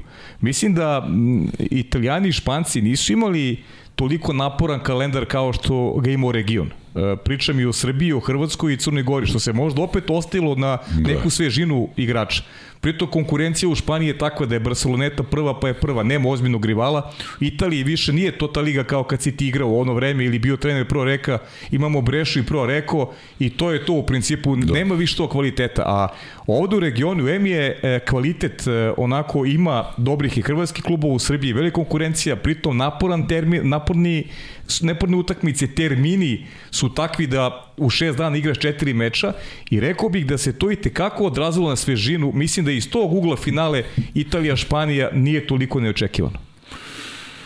Pa, mm, ovako kako si to rekao, tek sad da shvatam da i u Ligi šampiona kako je Breša bljesnula u, u Final Eight igrala mnogo bolje nego što su igrali u grupi one utakmice mm, i kad smo ih tamo dobili i kad su ovde igrali nerešen s nama, tako? Ovde tako je bilo nerešeno. Bilo nerešeno, jesno. I ono što sam analizirao u prvenstvu, igrali su mnogo bolje, svežije, da. Pa Barceloneta isto, Barceloneta odigrala strašno da bi sa proreko. Tu gledam, a da ne govorim da ulazim u toj Dejan Savić posao koji, da, tu recimo je to, taj moment nisam razmišljao, o tom momentu nisam razmišljao, malo pre smo pomenuli te utakmice, pa tu bi isto trebalo malo pročistiti možda, da li da ne ulazim ja te, uh -huh, uh -huh. u te neke upravljačke momente možda ti četiri ekipe iz Hrvatske, četiri Srbije da se pokidaju povremeno, a ne da ono gubi se vreme na putovanjima, jer tu kad se doda prvenstvo, Liga šampiona, kup pa regionalne, tako? Tako je, tako je. To je već malo previše Pa zamislite sada ovi momci. Oni znači treba da igraju sada Ligu šampiona su igrali, pa su igrali svetsko prvenstvo, pa svetsku ligu, pa evropsko prvenstvo, pa dolaze u klubove da treniraju za yes. za ovo što smo nabrojali. Mnogo, baš, baš. ovo što će da bude. Meni naporno, meni naporno kad pričam, a... Pa dugo je kad izgovaramo. Da, da, da, kad, kad, se, kad se radi na tome, da. A, da, da, mislim da bi to trebalo malo te igrače i shvatiti. Da, pa... Malo opustiti. Baš, baš malo više možda opustiti. Aj, se sećaš ti kao, igra, kao igrač ili, ili, ili se dešavalo da, da bude baš toliko ovaj, Nije bilo toliko. Nije toliko utakmica bilo. Nije, mi nismo ni imali svetsku ligu, mi smo imali Fina kup. Uh mhm. -huh. Nisu bile ovako, da kažem, da se igra i evropsko i svetsko nešto, znam da je bilo evropsko svake druge, svetsko je bilo u moje vreme svake četvrte. Uh mhm. -huh. Pa ljudi da, se ne sećaju da smo mi igrali svake četvrte godine je bilo svetsko prvenstvo i to je bilo nekako ovde su sad nabili svake godine svetska liga, sve fina, kup, svake druge ovo, svake... Mm. Ljudi više ne znam, pa vidite i ovo futbal koji igraju, ja više ne znam, nekad kad igrao Juventus, Ajax, pa mi smo pričali tri meseca pre toga i, i, i dan dan se priča o golu koji je dao onaj glavanja glavom, ovaj, Ajax onaj. E, a, a, a danas Chelsea i Barcelona igraju sto utakmice, ne znam više ko igra, to stalno neke jake, velike utakmice, nešto, ne znam. Da. Tako da to se malo izgubio taj naboj. Pa možda, možda i zbog toga i dalje ima ona, ona tvoja priča da i dan dana slušaš šta su ljudi radili 86. godine dok si ti dao one gole italijanima. Zato što toga nije bilo tako često. A kada je već to, kod tog gola italijana, šta kaže najbolji centar koji ikad igrao vaterpolo o, o nekim svojim naslednicima, po znacima navoda, ili vidiš neki, neki, neki veliki prospekt na toj centarskoj, centarskoj poziciji? Dete Đorđe Lazić je potencijal. Dete Đorđe Lazić, aha. Dete, ja sećam tog deteta, on je 96. 7. čini mi se. Uh mhm. -huh. I sećam ga se, čak ovaj neki kad je trebao da pređe iz jedne grupe u drugu, pa sećam se tamo bilo nekih trenerčića u Partizanu koji ga nisu stavili u kako ne stavite Đorđe Lazića vidite kakav biće 2 metra biće 100 kila pliva odlično ima mekoću ima sve šuteve sad on je tad bio slabašan mm -hmm. tanak mm -hmm. i, i moramo ga sačekati ja sećam toga Mislim da taj dečko ima potencijala da bude vrhunski centar, mm -hmm. onaj svetski centar, mislim da ako nastavi da radi, ako bude slušao Dekija, ako bude, mislim da mu je zapisano. Mm -hmm. Vico igra na visokom nivou, mm -hmm. stvarno na visokom nivou, on nema neku robustnost u držanju pozicije, ali kad mu se ona lopta uvali, on brzinom svetlosti je se okrene i ume da da go, peterac, izbačaj, igra dobro. E sada, meni se dopao i ovaj mali Miško Perović, Perković. Perković. Aha, Perković, Perković. izvinjam se, mojem dete Miško, lepo smo im, mi se on dopada jako. On Aha. će imati veliku budućnost. On je još malo neobučen, još treba neke elemente mm -hmm. da mhm. popravi, ali ta volja i probojnost koju ima bit će jako zanimljivo u sledećih par godina. Mm -hmm. To mhm. obećavam ljudima da obrate pažnju, bit će, mislim da će eto, Đorđe i taj Miško sigurno će imati neke potencijale, do duše oni će igrati za Crnu Goru. Da, da, pa dobro, pa. Okay. nema veze, pitan te generalno, a kako se dopada Kakaris? Pa dobro, on je fantastičan. Da? Stvarno je, on je izuzetno probojan na, na, ovom, na centarskoj poziciji, mhm. -huh. sad još malo tuplivanje, da. ali, ali nezadrživ je.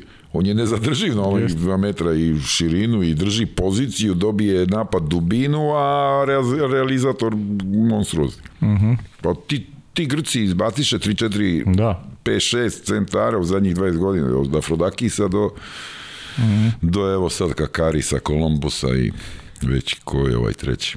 Dobro, sad imaju, sad će još neki možda izbati sad ti, ti, ti vlade ste tamo, tako da... Pa dobro, da će Bog.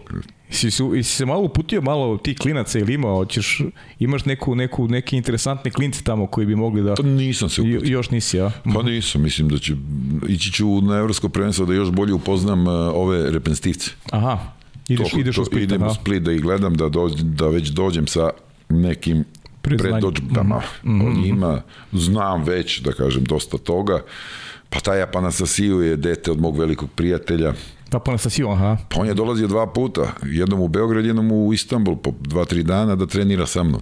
Aha.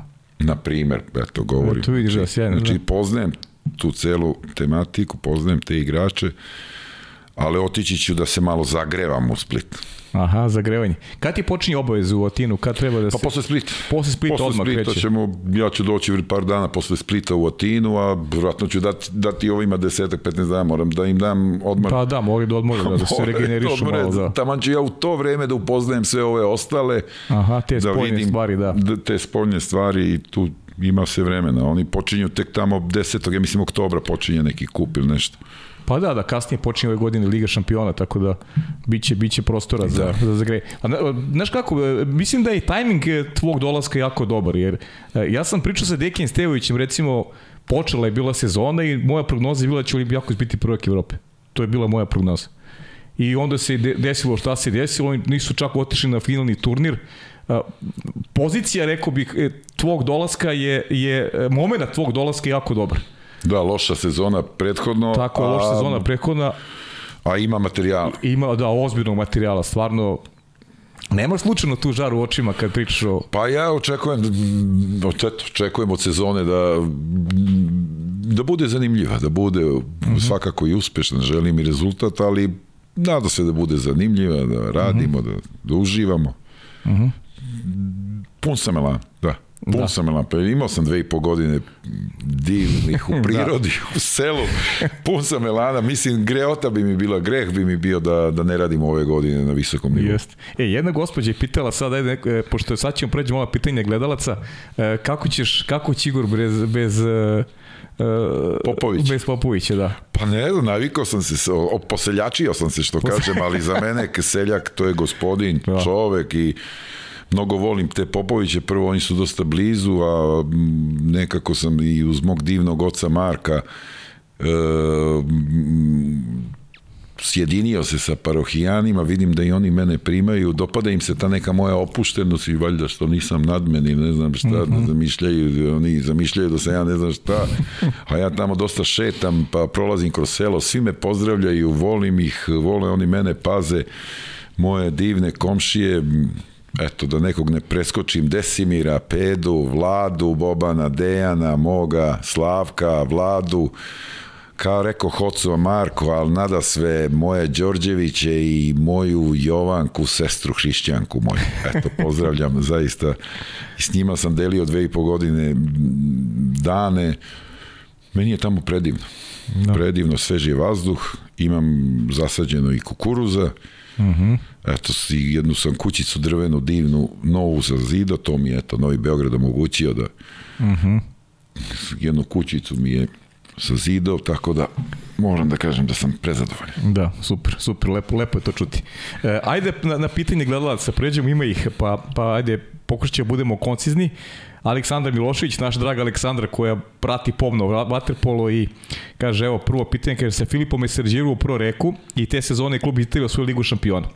Kaže, očigledno njih dvojica donosi rezultat, kako gleda na njihovu saradnju koju prestolio, tako su i značili mu što će imati jednog uh, srpskog igrača u timu. Da, mnogo mi znači. Mnogo mi znači, imali smo divnu saradnju i, i u proreku. Uh, mi se i ovako, čini mi se, poštujemo i simpatišemo. Uh mhm. -huh. ne, ne, nisam imao neku crnu mrlju sa, u odnosu sa njim nikakvu, ni sivu.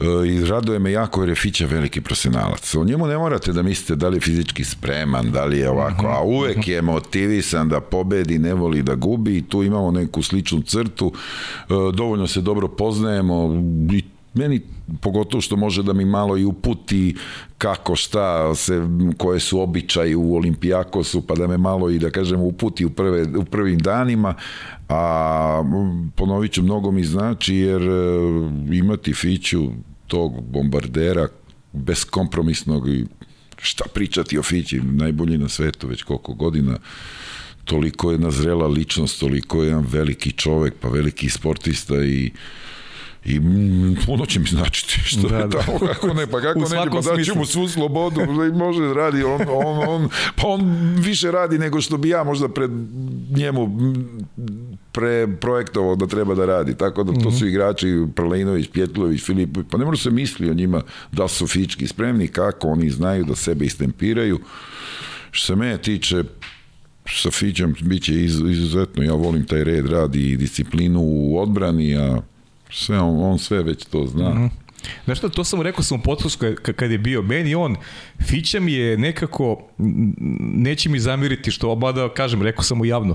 Uh, Fića što je stariji, meni deluje sve bolji. To je, to je neverovatno. On, njemu očigledno i telo dobro održava i Uh, on može na ovom nivou očigledno da igra još par godina. Pa kad su zreli momci, oni su se posvetili bez kompromisno tom sportu, paze se, treniraju na pravi način.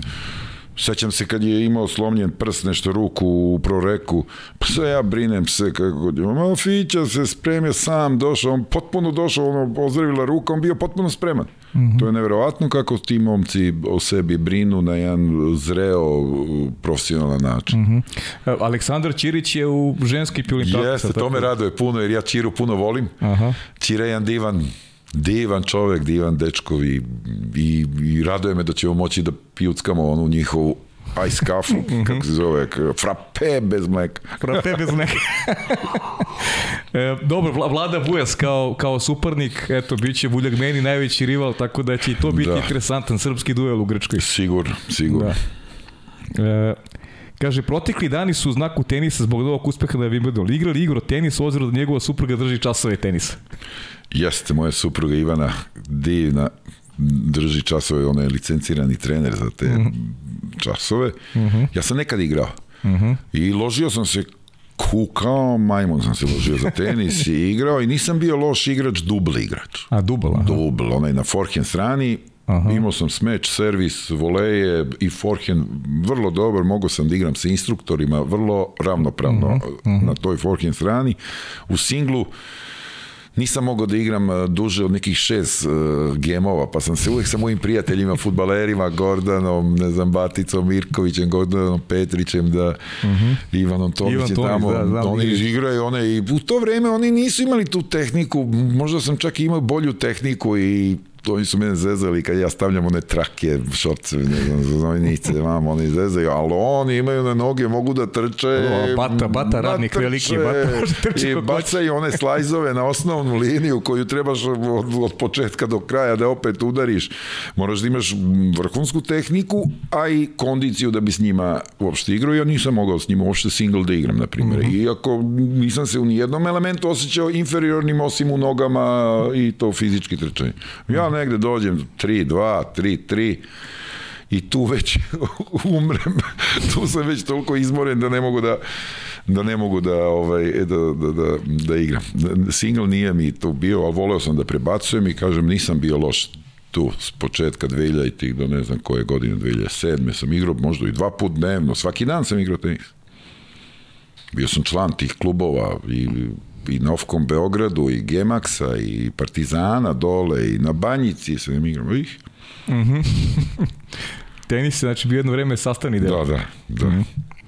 Igore, pričat će u prošlom podcastu knjige, meditacija, Jel to i dalje? Molitva, više molitva, molitva ajmo molitva, tako, ta molitva. meditacija, kad ja govorim o meditaciji, ja raz, razmišljam o disanju i to, mm -hmm. eto, to pokušavam možda da, da upražnjavam molitva negde sa tim disanjem meni jako bitna jer mi donosi neko smirenje. Eto, i kad se molim Bogu, molim se samo da mi da snage i dostojanstva i smirenja. Mm -hmm. Smirenje.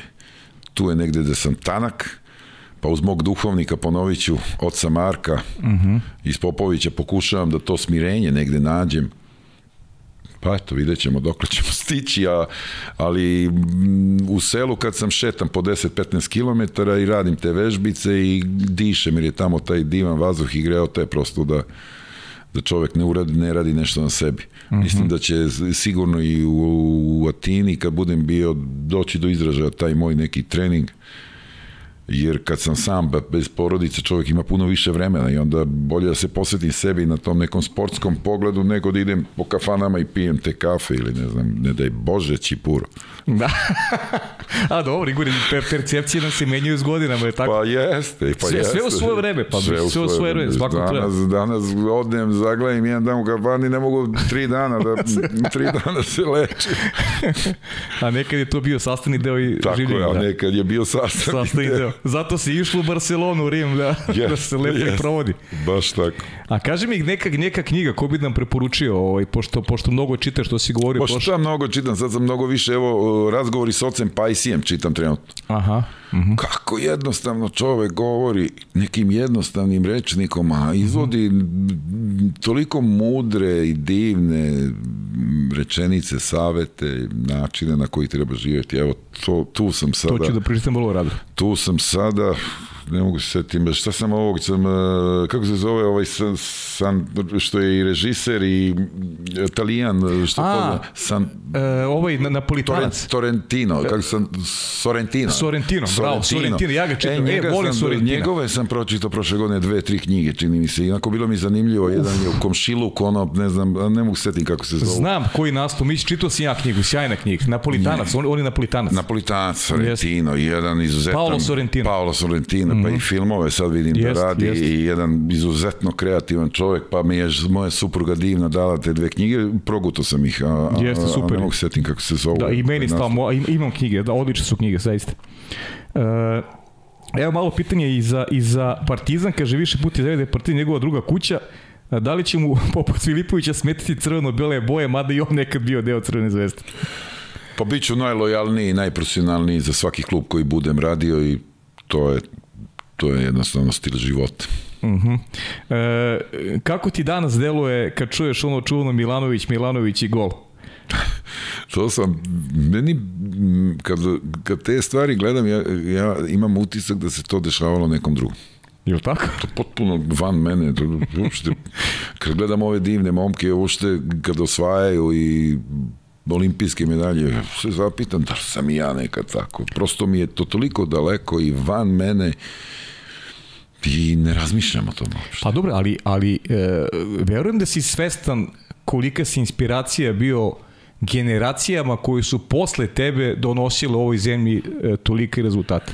Pa ja Evo, ja koji nikad nisam igrao vaterpolo, ja to nikad neću zaboraviti tu utakmicu i, i ko ti kažeš, znam šta sam radio, gdje sam bio dok je, dok je bio taj meč.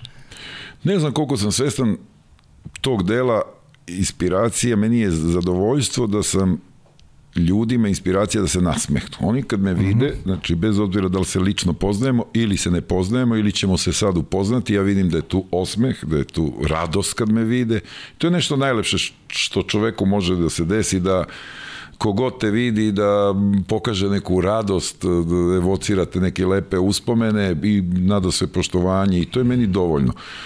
A to svestan, nesvestan, nikad me nije interesovala ta neka bočna strana tog sporta. Nisam čak čovek koji ume i da uživa u nekoj slavi ili nekom tom, kako bi se reklo, poznat ličnosti ili ne znam kako mm -hmm. to, osim kad mi nekad neko skrati put na šalteru ili mm -hmm. redu tu, onda mi je, eto, to mi je drago. Ostalo, negde, baš gledam da negde i živim život odmah sad i da, u pa- trenutku, ne umem da se osvrćem ne umem jednostavno, nisam umeo to nikada negujem taj neki deo marketinški, te moje, ne znam. Pa to, to misliš da to da je to ovaj dobro ili Pa ja mislim neka... da ljudi prepoznaju. Ovi što meni treba, Beograd koji meni treba, on to prepoznaje. Vaterpolo svet koji meni mm -hmm. treba, on to jako dobro prepoznaje i znao mi ko je ko. Pa da, jako Naravno. dobro se mhm. zna ko je ko ovde i meni je to dovoljno. Mm -hmm. A sad ovi što vole da sebe promovišu, pa ne znam šta, pa i to je lepo, vidim, ne, ne mislim samo na vaterpolista, ima tu mm -hmm. i drugi sportista koje vidim i trče nešto, to je jutarnji program, te ovaj program, te ne, ja ne mogu kako on stigne uopšte to, evo, mm -hmm. evo mi se dogovoramo tri nedelje, ja jedva Bukvam. stigu. Da. I da niste onako lepi i korektni, ne znam ni da li bi uopšte išlo da... Dobro, hvala ti puno. Samo da znaš, ponovo ću ja te zovem. Pa mislim, dobro, da će Bog, imat ćemo i možda tamo i oko nove o, godine. Nema smisla bez tebe o, o, o, ova cela priča, da znaš. Hvala. Biće, biće naravno tema sigurno. Uh, kaže, šta najviše voli da zasvira na gitari? Pa ja zadnje vreme nisam svirao nešto, da. ali sam svirao bluz, pokušao neke bluz uz neku mm -hmm. 12 se priheftam uz te bubnjare i, i divne ljude koji su me tu stimulisali i umeo sam 30-ak eh, jazz standarda da tu ima neki program Band in the Box mm -hmm. i onda Uh, ja volim džez da slušam i sad mhm. ima nekih jazz standardi kao što su pesme lupam Girl from Ipanema, Autumn Leaves, Shadow of Your Smile, Corcovado i tako dalje, koje ja volim da slušam mm -hmm. i onda uzmem polako i skidam ih, a taj program ti omogućava jer, jer drži ritam sekciju, on ima bubnjara, basistu i Aha. ritam gitaru, da, eventualno sjajno. piano, a ja isključim solo. Mm -hmm. I recimo bio sam sposoban da 20 25, 30 recimo tih jazz standarda, stojeći, sviram sa električnom gitarom. Pa sećam se kad je Đuho došao kod mene u stan jednom, pita, pita moju ženu, a ja sam svirao u radnoj sobi, u muzičkoj uh mhm. -huh. sobi, on, nije, on je bio u dnevnoj. Kaže, pa, jer ovo Igor svira. A on uopšte nije razliku pravio, ne znam, originala. Dobro, Đuho možda tad nije poznavao dobro džez. Ali sam da, eto, bio kadar da uživam i to je meni bilo dovoljno od gitare, da, da mogu preko tih programa da stajem slušajući ili pustim se na moje dobra pojačala i da onda dva sata odlutam i odplovim svirajući, pa baš me briga i da grešim i da ne grešim i baš je bilo lepo i to je sada uz ovu tehniku toliko lepo moguće da se uživa, eto. Mhm. -huh. Mnogo bi žao i Dubročani mi nisu rekli na vreme, ovaj, ili si se vidio sa Đuhom i sa Goranom Suknom? Znam da su bili, ali saznao sam te kasno da su bili u Beogradu. Nisam se video. uopšte vidio, vidio, pozdravili smo se ono, posle neke utakmice, da li Marseille i Breša, uh mhm. -huh. smo se samo pozdravili, nisam se video, a evo sad idem u Dubrovnik. 25. Aha. vodim moju ženicu lepo u Dubrovnik, baš kod tih Dubrovčana, da se zahvalim i Ogiju Kržiću i, Jogiju, da. i on me zvao 100 godina, 100 puta i evo sad ću da odem jedno 4 dana, pa onda idem opet i tu ću se sigurno vidjeti sa Ogijem, Božom, Vuletićem, Goranom Suknom i Veselinom Đuhom, mojom uh mhm. -huh. braćom. Uh mhm. -huh. Onda ću otići 7 dana do Korčule, kod kuću Karlota, da će me čekati Deni Lušić, uh, Periš, Robi Andrejić i bit će tu još Suvi, ne znam ko će još tu sve doći i tu ću da se provedem, onda ću da odem malo do moje rodbine u Opuzenu, pa ću možda i do Zadra da stignem. Eto, to uh, mi je super. neki plan da odem, pa se vratim u Beograd, I onda, pa onda opet u Split, pa u Atinu. O, super, lepo, lepo, leto. Ovo si, pričao si ovo za pešačenje 15 km dnevno. E, kaže ovako Aleksandra, Svoju azu pronašao na Kosmoju, Popovići, Aleksandra, da li kuća sa trevom za goste završena i možemo mi obični ljudi posetiti njegov mali raj i pohađati neki od kurseva koje bi preporučio? Pa sad neću biti tu, ali kad se vratim, vrlo rado i bilo je posle nekih intervjua koje sam dao, ne, ne mogu da se setim objektivi ili ne znam gde je 24-7 i nekih šta sam dao tamo pre godinu, dve i tu sam ostavio neki mail valjda u intervju i vidim da su se neki ljudi uh, javljali i zainteresovani. Mene raduje kada mm -hmm. ljudi osete neku potrebu za prirodom, za zdravljem.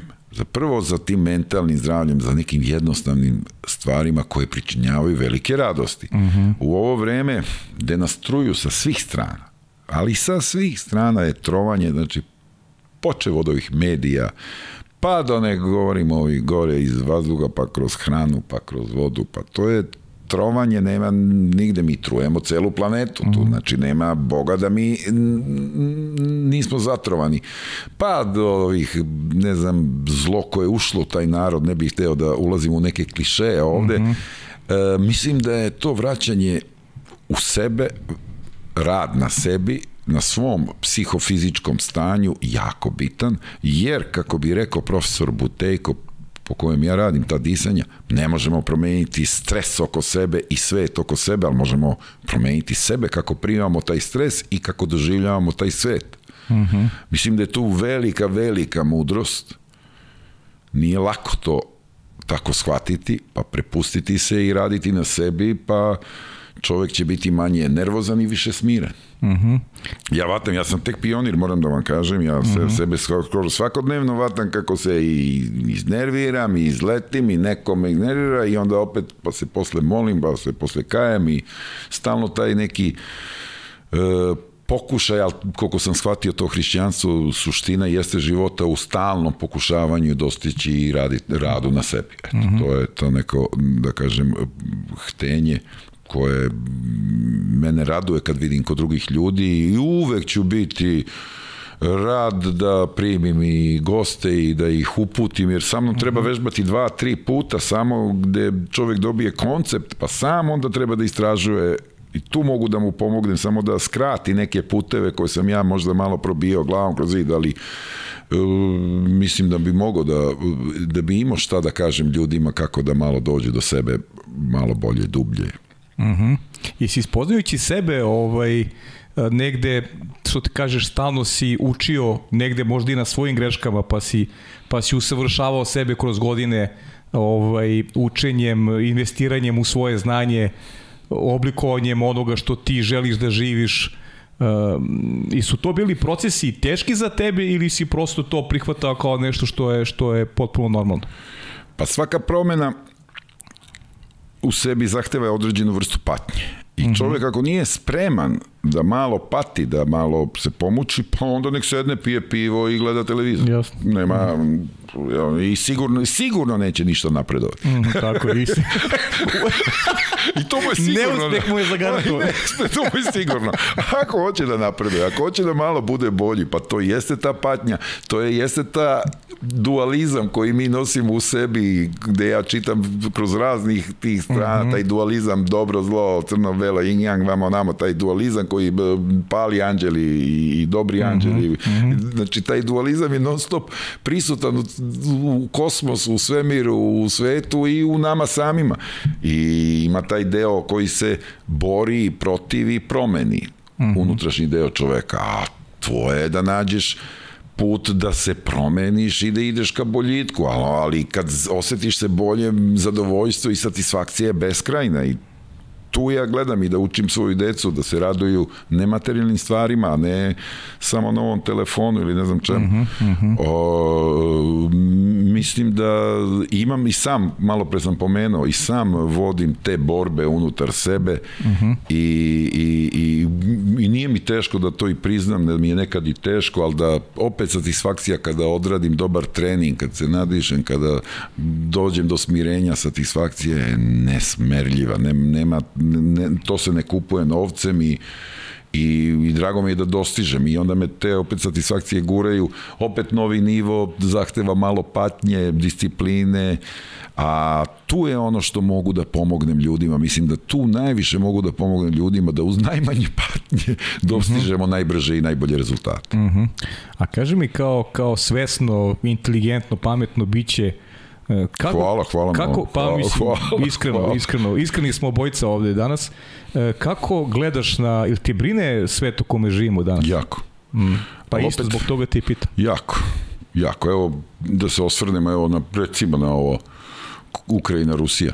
Mhm. Uh -huh Sad, kad uzmemo zdravo, ja nis, ne pratim politiku, ne interesujem se mm -hmm. me politika, pogotovo ne ova svakodnevna politika, ali mm -hmm. kad mi vidimo da recimo ovi gomilaju se vamo, ovi se gomilaju vamo mm -hmm. i da u diplomatiji ne postoji ni jedna jedina zraka svetlosti.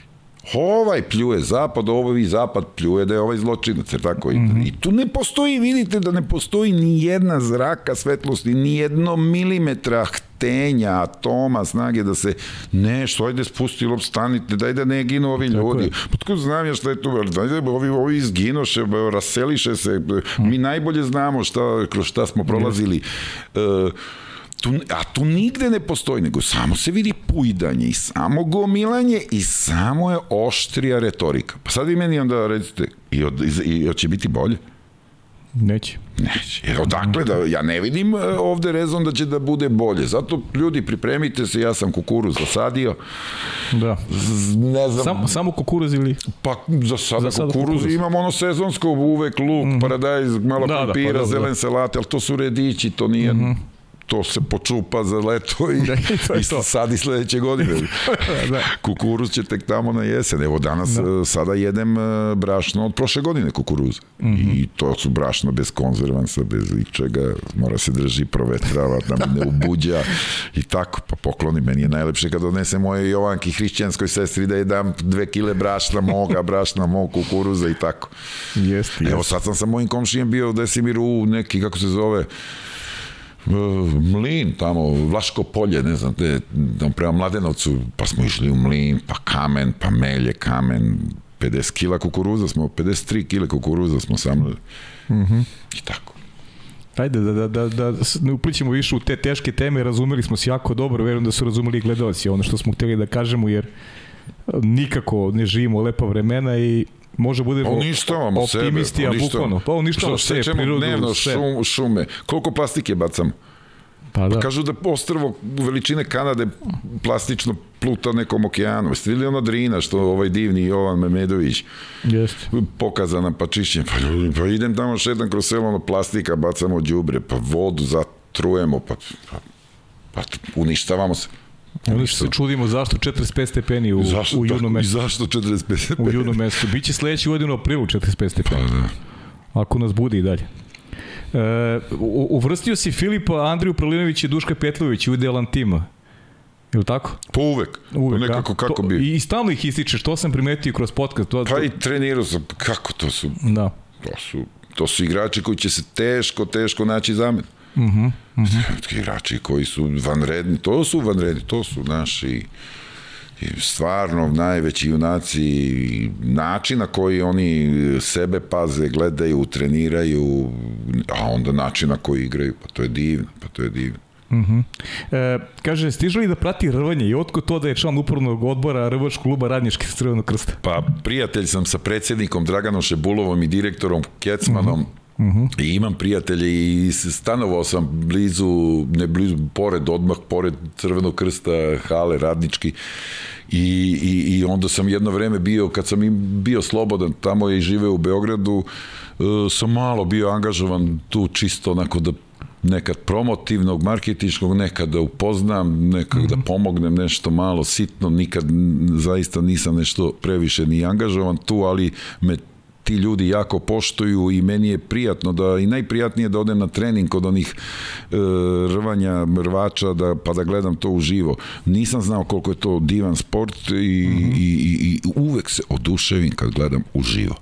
To ne znam, na televiziji se tu i ne vidi ta sila i mm -hmm. to, kad se uživo gleda, pa oni, kad onaj od dva metra zaleti se, pa kad onaj baci ga onog od drugog od dva metra, pa leti ovaj, pa ovaj na neki most, pa mi oni objašnjavaju šta je šta, uživo obožavam da gledam rvanje i to je divno i to, tako eto, to je ljubav, ali više prijateljovanje sa nekim ljudima koje poznajemo ovako.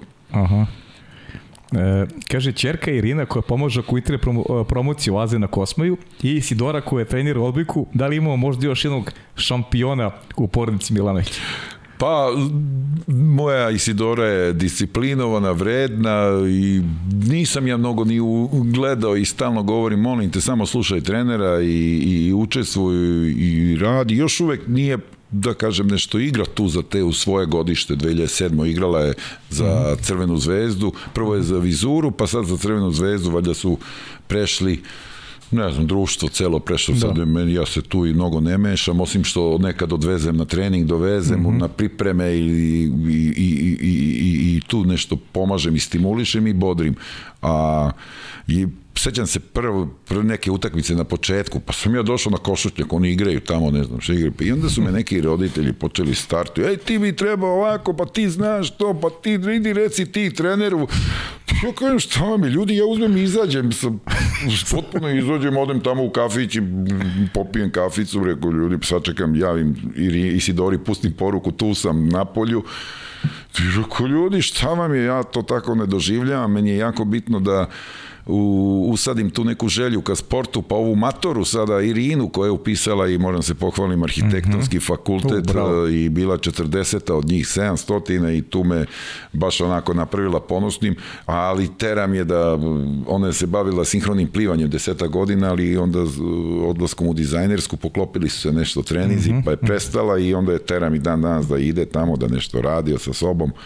A ova mlađa lepo se i zapalila i sad idu na pripreme. Super. I onako, nije, nije loš primačka. Aha, super, super. Ali ja to ne ulazim, ja samo slušam i trenera i šta kaže. Znači gleda se sad ovo Liga nacije u kući, gleda se sigurno. Da, ona gleda, sad moja čera gleda stalno i bi gledali sad balkansko, neko juniorsko, pa Aha. gleda Liga nacija, sad ovo što smo juče, Amerikanke, tako nešto je, da. tako. Yes. Znam, vidim da gleda, pa sam i ja malo gledao s njom. Aha. E, imaš pitanje, šta misliš o Vuku i o drugoj ekipi Novog Beograda? Pa, Vukovi su ušli u Super A ligu, mislim mm -hmm. da će Kole, Vasilovski i Šoštar to lepo da, da, da izvedu. Ono što mi je i Šapić bio rekao, čini mi se da on planira i da Vukove ojača sa Jest. nekim mhm. igračima. E sad, Mislim da oni imaju perspektivu da budu izuzetan klub. Mm -hmm. Biće oni već četvrti, peti, šesti, tu već mogu ove sezone ako malo tu obliče. Imaju sve uslove tu Pa da, Sigurno je izazov i nekom kvalitetnom igraču iz drugog kluba da dođe u Vukove, ne bili bio primećen za Novi Beograd. Da, da mogu, mogu i Vukove da odvedu u Evropu, neki klub plan recimo za, Zašto ne? tamo Zašto godinu, da. ne? Za godinu, dve, vidim perspektivu. Uh mhm. -huh. Filip Noković te pozdravlja, kaže koja su mu vremena bila na 50, 100 i 200, sad te vraćamo u prošlost tako... Kome, meni? Tebi, da. I, i kaže koji je najteži plivački trening koji je plivao, a koji zadao? ovaj, na 50 26 na 50 metarskom kad je 25 metarski bazen, tu sam mogao i 25-5. Uh -huh. 100 sam plivao 58 i po, najbrže, a 200 mi je bilo loše, tu je, to mi je najgora distanca bila, jer tu mora, uh -huh. ja mislim da sam recimo 2.12, 2.13 mogao, tu uh -huh. su mhm. već bili brži od mene i ovi koji sam, a ovo, eto, 50 i 100 je bilo to moje vreme. Najteži trening bio neki tamo trening gde nas je Ratko pokido nešto 5 km, ne znam, rovinj neki, ne znam, ni sam se setim, ono, plivali smo 5 km, 5,5 km, pa onda smo izašli, nešto dobili neku salamu, to nikad neću zaboraviti, parče salame na lep. Taki su bili suplementi kod nas. da. I su pradi nam da, ovaj doktor Brka, sećam se. I da nam su premi kao uzmemo i onda idemo u, u, dole na drugi bazen koji je bio jako ladan, a mi već umorni -huh. i jako ladan i treba sad vremena radimo tehniku i šutiranje. Tu mi nećemo da uđi, ušli u vodu, pa mu objašnjamo da je ladno, onda on uzeo Ratko Rudić uzeo neko dete malo ovako uzeo pa bacio dete u vodu. I šta bre ovo dete pliva a vi vama ladno. Ova majka ga juri kaže šta ti čoveče kako mi baci dete u vodu? Pa mi se smejemo. Mi umiramo tu umrli smo od smeha tu kad Ratko Rudić uzeo baci dete i kaže vi dete pliva vi nećete da pliva majka mi će što mi baci dete to je... Ko pokaznu vežbu. to je kao dio šova, onda i on pipnu pa ga je ladno, ajde, ladno. Ono bilo stvarno nešto 20 stepeni ladno. Ali je sa Ratkom bilo tih, jer tu se radi teretana jedno sat i po, pa se pliva 5, 5 i po kilometra i onda to je treći dan, čovjek ne može na WC šolju da se... To je nevjerojatno, čovjek od, od te upale svih onih mišića. Mi smo bili ti pokusni kunići. Uh -huh. A treninge davo sam i jake, ili nisam ja nešto kvantitativno, ali bilo je tu nekih treninga. Bilo je jedno su mi iznervirali tamo na Partizanu, pa su došli Mitrović i Luka, Mirković, ja se sećam, uh -huh. oni su trebali da, da odrade jutarnji trening, jer je uveče bila utakmica, oni nisu igrali, su bili povređeni, onda sam im ja dao trening, ja sam došao, tu su me neka dva trenera, ne bi da ih imenujem, uh -huh. ispreskakali i bili jako nepristojni prema meni nešto i onda sam ja taj trening odradio, oni, a, a ova dvojica su mi rekli nikad nam nije bilo gore. Da su osetili moj bes u odnosu na ovu dvojicu koji su nešto se tu Aha blamirali. Uh -huh. Stefan Mitrović, ja? Stefan Stefan Mitrović, da. Nikad nisam tako nešto osetio. To kao najgore u trening koji sam proživao. Ja ga verujem ti, nije do vas. Da. nije bilo do vas. Oni su bili kolateralne štete. Ali nije bilo kao, nije to kao u to vreme. Ne, kakve nikad, Ratko ne, zadavao. pa ne, mi smo, zato i ovi igrači igraju mnogo duže, jer mm. ovde ja imam trenera za pilate, za te, trener za teretanu, pa te obnovi ih, te ne da im, pa istegni, pa mm -hmm. pazimo ih, da kažemo pazimo, a i struka je napredovala mnogo, šta ovaj, Ratko Rudić, Orlić, Oni u to vreme su tek upoznavali struku kroz neki rad mhm. -huh. veliki, pa mislim da je tu bilo puno, puno grešaka iz ove perspektive, mhm. -huh. da im ja ne zameram ništa, bože, okay, čuvaj, nego, vreme, nego da. tako vreme, znaju oni to sve šta su radili. Pa mi smo radili bench sa 100 kila, ti navali ti kao radiš neke piramide, nešto, da bi, onaj 100 kila mi stavi šipku i ja treba pun čučanj. Uh mhm. -huh. Danas ne bi ja pomislio da recimo da neko to radi, to je sve do pola čučnja, nešto da. Sve kada iga malo pa od ozdo, pa od ozgo, pa... Pa i to je jedan od razloga što si u 30. i završio karijeru. Pa i jeste, to je mm. sigurno jedan od razloga. Sa 15 sam počeo, mm -hmm. 15 krvavi godina. Istrošen mi je organizam bio, to je sigurno. Mm -hmm. Jasmin Helilović, samo pozdrav za jednog od najvećih svih vremena. Pozdrav Jasmine moj. Pozdrav Džalitu. Kaže, kako su mu sećanja za boravak upravi i futbolsku kluba Partizan? O, pa divno je to bilo. To je bilo meni novo iskustvo. I novo iskustvo da sam upoznao malo taj rad u Partizanu, u, u futbalu uopšte. Najviše sam bio sretan kada sam odlazio kod gospodina Kostića, sećam se, tad je bio Ne, ne, Nedeljko Kostić. Uh, on je bio šef Nedeljko, Nedeljko sjajan, šef sjajan, uh, mlađih kategorija jest, u teleoptik i tu sam se najlepše osjećao posle prvog upravnog, tu je bilo, posle prvog upravnog odbora, oni su mene, Zeka i društvo me stavilo i ovaj predsednik Nenad Popović s kojim se imao jako dobru mhm. -huh. saradnju me stavili za odnose sa navijačima a navijači pre toga dve godine nisu došli na Partizanov stadion jer su se prvi put udružili u Južni front i bojkotuju futbalski klub Partizan dok se ne promeni Zečević i Bjeković ne znam uh mhm. -huh. i tu sam imao jako zanimljivu jednu ulogu o kojoj nikad nisam pričao i ne verujem da ću ikad javno, okay. javnosti mm -hmm. pričati, ali je bila jako zanimljiva jer sam sa u tadašnjim vođama navijača imao puno sastanka, u početku čak i nešto tajno, inkognito, posle smo obelodanili te sastanke i E, mislim da su i tad navijači, uglavnom rezultat je bio da su poslednju utakmicu, pun jug je bio, mi smo igrali protiv neke ekipe, ne mu seti 4-0 smo dobili i Zvezda je tad bila prva, mi smo bili drugi, ništa nije moglo da se promeni, a vratili su se navijači i to je opet bio nek, neka satisfakcija i neko zadovoljstvo oko dobro urađenog posla, ali ti navijači su tada bili zreli i zaista prepoznali jednu moju iskrenost da se neki problem reši, da, jer je bilo jako ružno dve godine bez tribina, mm -hmm. pa se mlatili, pa pljuvali, pa psovali jedne druge i i oni ta njihova zrelost da se prevaziđe, a da i dostojanstveno i oni budu, a i ja opet ne mogu ja da dozvolim nekako da se tu sad navijači nešto menjaju i mm. tako tu smo bili, ali oni su prepoznali iskrenost. I dan dan sam prijatelj, baš pre neki dan sam uh, jednog od tih vođa, da kažem, njih, njih je bilo deseta, 15, ne znam sad, ne mogu sad mhm. sve da, da nabrojim, ali ovaj, jednog sam vidio ispred banjice, ja izlazim ispred saune i on tu stoji i gleda me onako, lep, mm -hmm. dečko, baš onako. I sve ja gledam me, ja kažem, ja prilazim, vidim, on me gleda malo značajnije. Ja kažem, gledaš me, jer bi ja nešto trebao sad da uradim. On kaže, ti me ne prepoznaješ. U tom trenutku ja vidim, o, pa prošlo je koliko, 15 godina je prošlo tada.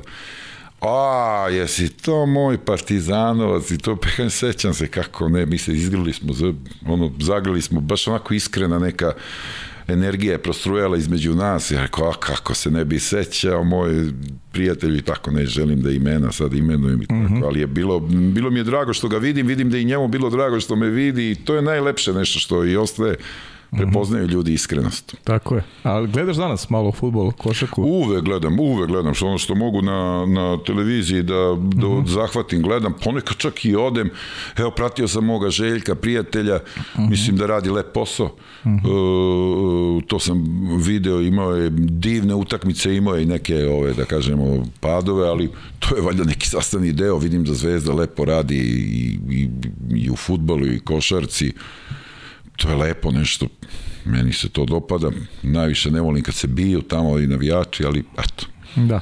E, k, pitate Sređan, najteži protivnik u bazenu, ko ti je bio?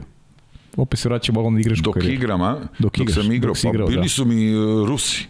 Rusija. Rusi, to su bili meni nešto mnogo teški. Bilo je tu onih bekova, Mendigalije, Berendjuga, kad te uvati, pa te stisne. Stalno sam neke kirefeke morao nešto da radim, neke fore, improvizacije, jer su bili nekako fizički malo jači od mene, a onda... Uh mhm. -huh. A uspevao sam nekada ih i probijem i tako. Nekad? Pa dobro, uspevao sam nešto, sam uspevao. Mm -hmm. Ponekad više, ponekad manje. dobro. Pričat će u prošlom podcastu o tim čujenim duelima sa, sa Sovjetima. Da, Zaista onako Sovjet. impri sa Sovjetima, baš onako... Sa Italijanima sam se igrao, Špancima, bukvalno sam da. igrao. Mađari isto mi, u to vreme nije bila tako jaka generacija, mm -hmm. taman je napustila ona Farago, Čapo, Sivoš mm -hmm. i ono društvo Gerendaš, a, a, a ova druga nije bila toliko jaka, mi smo se s njima vrlo lepo nosili. Mm -hmm. U mojoj generaciji, ja mislim, Mađari nikad nisu dobili. Da. Mm -hmm. Ovo je evropsko predstavstvo u Sofiji, to je bilo poslednji put 85. Posle mm. toga do 96. nikad nas nisu dobili nešto. Da, pa kao oni ovu generaciju isto. Pa i ovo, da. Da, Mađari, skoro, skoro, pa jedino tim utakmice koji nisu bile važne. Ovo za da. medalje da. nikad nisu. Nikad, da. Od 2002. tačno, nikad, evropsko da. smo im uzeli u Budimpešt, tačno. Da, nikad, da. E, Jody Orao, pa, kaže, ne znam šta bi ga pitao, samo bi ga hvalio. Pa onda imaš poruku, želi ti da osvojiš e, Ligu šampiona s Olimpijakosom i posle sedniš na mesto selektora, što zaslužuješ, kaže Jody Orao. Jody Orao, hvala ti na lepim željama. Eto, hvala ti, a ne bi voleo da da insinuiramo pred mojim prijateljem Dejanom Savićem. Pa ja prenosimo samo jer mislim, Dejan Savić je zaista mag i toliko divno vodio i toliko, mhm. -huh. toliko dobro radio, čak sam čest, mislim relativno često se i vidimo, pa sam i naučio od njega, pa prošli put sam, pre sam, kad sam došao za Novi Beograd, sam odmah tražio i kako je deki divan, odmah mi je izašao u susret da se vidimo, pa sam ga pitao, dao mi korisne savete i Tako, mm. sarađujemo i mm, značilo mi je to što mi je Deki rekao kad smo se poslednji put video, ali ću ostaviti to Do, za nas vas, dvojicu. To je vaše, naravno. E, do, samo kažem, prenosimo poruke. Kako uspeva da se bori, opet Jody Oreo, kako uspeva da se bori sa toliko prepreka i podmetanja u trenerskom poslu? Pa ja to ne osjećam. Ne, a? Verujte, to je, to ostavljam ovoj politikantima i ovo sve, mm -hmm. čime se oni bore, oni se bore sa svojim demonima, sigurno, ja imam svoje, ovo, št, molim se da mi dođe prava prilika, prilika je došla u Novom Beogradu, iskoristio sam je, sad imam olimpijako, razmišljam samo o tome, mm -hmm. a ta podmetanja i to, nikad nisam bio deo tih lobby timova i to je ono što ne želim da se na bazi tih kum stava, bratstva, neke prijateljovanja, da me tu ljudi gledaju i poštuju i dobijam posao, nego na bazi znanja, pa, pa i Novi Beograd me, kad me zvao, ja kažem, mogu da kažem, spašavaj nam sezonu, su bile jedna od reči. Uh mhm. -huh. Molim te, pa sigurno da su znali kako treba, pa ne bi došli u te situacije, jer tako, pa, mm -hmm. eto, to je, tad kad je bila frka, pa što tad nisu zvali ove neke druge. Pa tu je, tu bar mi između sebe znamo šta, ko, gde zna, A te podmetačine ostavljam podmetačima. Podmetačima? Oni jesu samo podmetači. Dobro. Kaže, e, ko je najteži igrač za saradnju svih igrača koje je trenirao do sada? Pozdravljate Nemanja najteži igrač da, za saradnju. Pa nisam imao problema sa tu saradnju. Uh mhm. -huh. Pa ne sjećam se. Ne bi.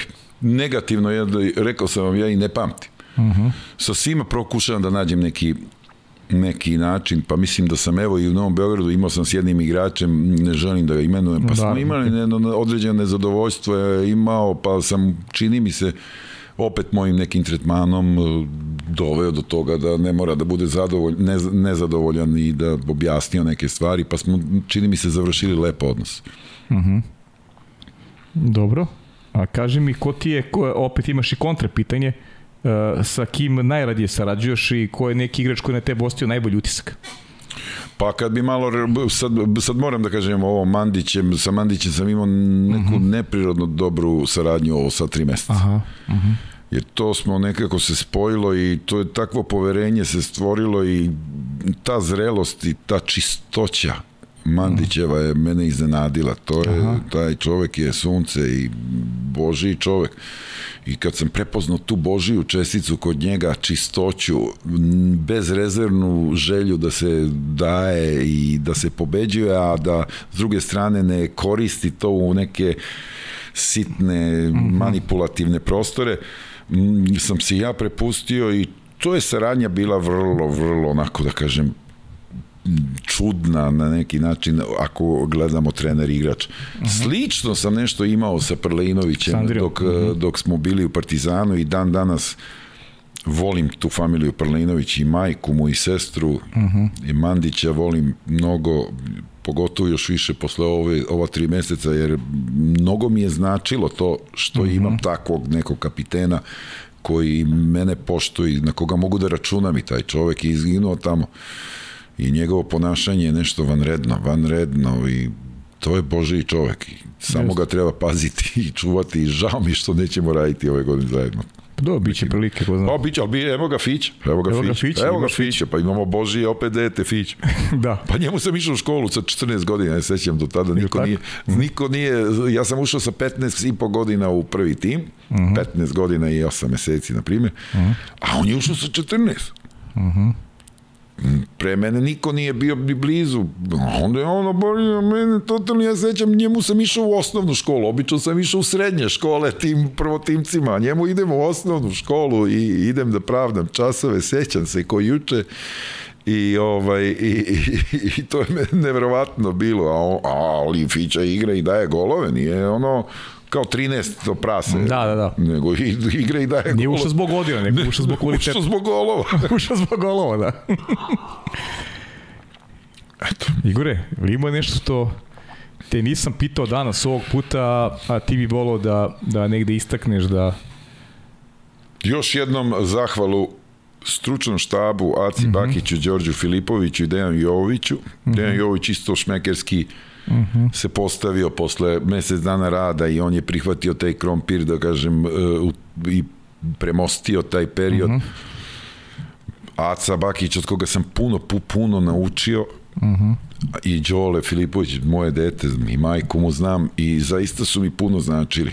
Hvala vam puno, doživotno vam hvala, a igračima da će Bog da se vidimo nekad u budućnosti. Da. E, a kaži nešto što te nisi pitao, ili ide neko stuči šta, ili kreiraš, ili nekog vodiš odavde, ili, ili Imaju ne? tamo i za pilates, i za kompjutere Sve, koji će da montira, ima i za plivanje, ima i ovaj Hrvat, tako da neću voditi Nikoga, idem sa punim poverenjem uh -huh. i mhm. onda ću tamo stvoriti i kreirati te odnose koji su meni neophodni uz puno poverenje lojalnost na licu mesta uh mhm. -huh. ako bude trebalo imam već kandidata moga Dekija Milakovića iz A, Singapura aha, Dekija, da. iz Singapura i ne, mi smo na vezi i kontaktu ali za sada ne bih ne bih unosio neke neke previše Olimpijakos je veliki klub to je mhm. -huh. ogroman ja. klub nema tu nema potrebe da nešto, nešto vodim. Da, da. Do, deke, čekamo ovde u podcastu, pa biće prilike. Ovaj, pa Igore, šta drugo ti kažem, osim jedno veliko hvala. Ju, hvala vama. Hvala ti puno na ovom. Ne pati kad sam ovako jedan prijatniji razgovor. Ovaj... Opet je ovde jako prijatno i s vama vreme proleti. Drago mi je, pozdravljam sve slušaoce i gledao. Će se ovo i gledati? Hoće si gledati, gledati, da. Gledat će pa se da, večeras na YouTube-u. Mislim da će se emitovati na sport klubu, tako da, tako da će se i gledati i slušati i do nekog sledećeg druženja. Sport klub, što je, Sport, to je TV tako, kanal. I TV kanal, da, O, pa a da. i, i ide i večeras na našem YouTube čast. kanalu, da. Svaka vam čast Da. i pozdravljam i vidim da vi lepo radite jer e, svaka vaša emisija ima veliki odjek bez obzira ne kažem kad sam samo ja ovde gost nego Mhm. i kad je bilo ko pa s obzirom da se viđam nekad na kafi sa vaterpolistom vidim da je vaša emisija jako prisutna u tim razgovorima. S druge strane, mislim da je emisija tako koncipirana da ljudi mogu malo da vide i drugu stranu neke medalje, drugu stranu tog nekog i bilo trenerskog ili igračkog poziva i, i neke da čuju još stvari koje nemaju prilike da vide u novinama i u, na televiziji. Ja onako najiskrenije kažem, ja nikad nisam igrao vaterpolo, ali uh, vaterpoliste i sve ono što ste vi uradili za sport najviše cenim, tako da eto, to je neki moj omaž onome, svemu onome što su generacije ovaj, vaterpolista uradili. Hvala vam, hvala ti, hvala vama, ovoj celom timu ovde, mm. svim ovim ljudima i devojkama i vi radite veliku stvar i za vaterpolo. To je ono, i zato vam kažem hvala, nije uopšte pro forme ili tek reda radi, nego zaista radite veliku stvar za vaterpolo, ovo što ja osjećam, a stoga ću uvek biti onako da kažem na raspoloženju. Hvala puno Igore, držimo ti fige da sledeće godina bude uspešna. Dame i gospodo, to je bio velikan Igor Milanović, a sledeće nedelje na njegovom mestu sledeće novi trener Novog Beograda, Živko Gocić, do tada veliki pozdrav i uživajte u ovoj predivnoj emisiji.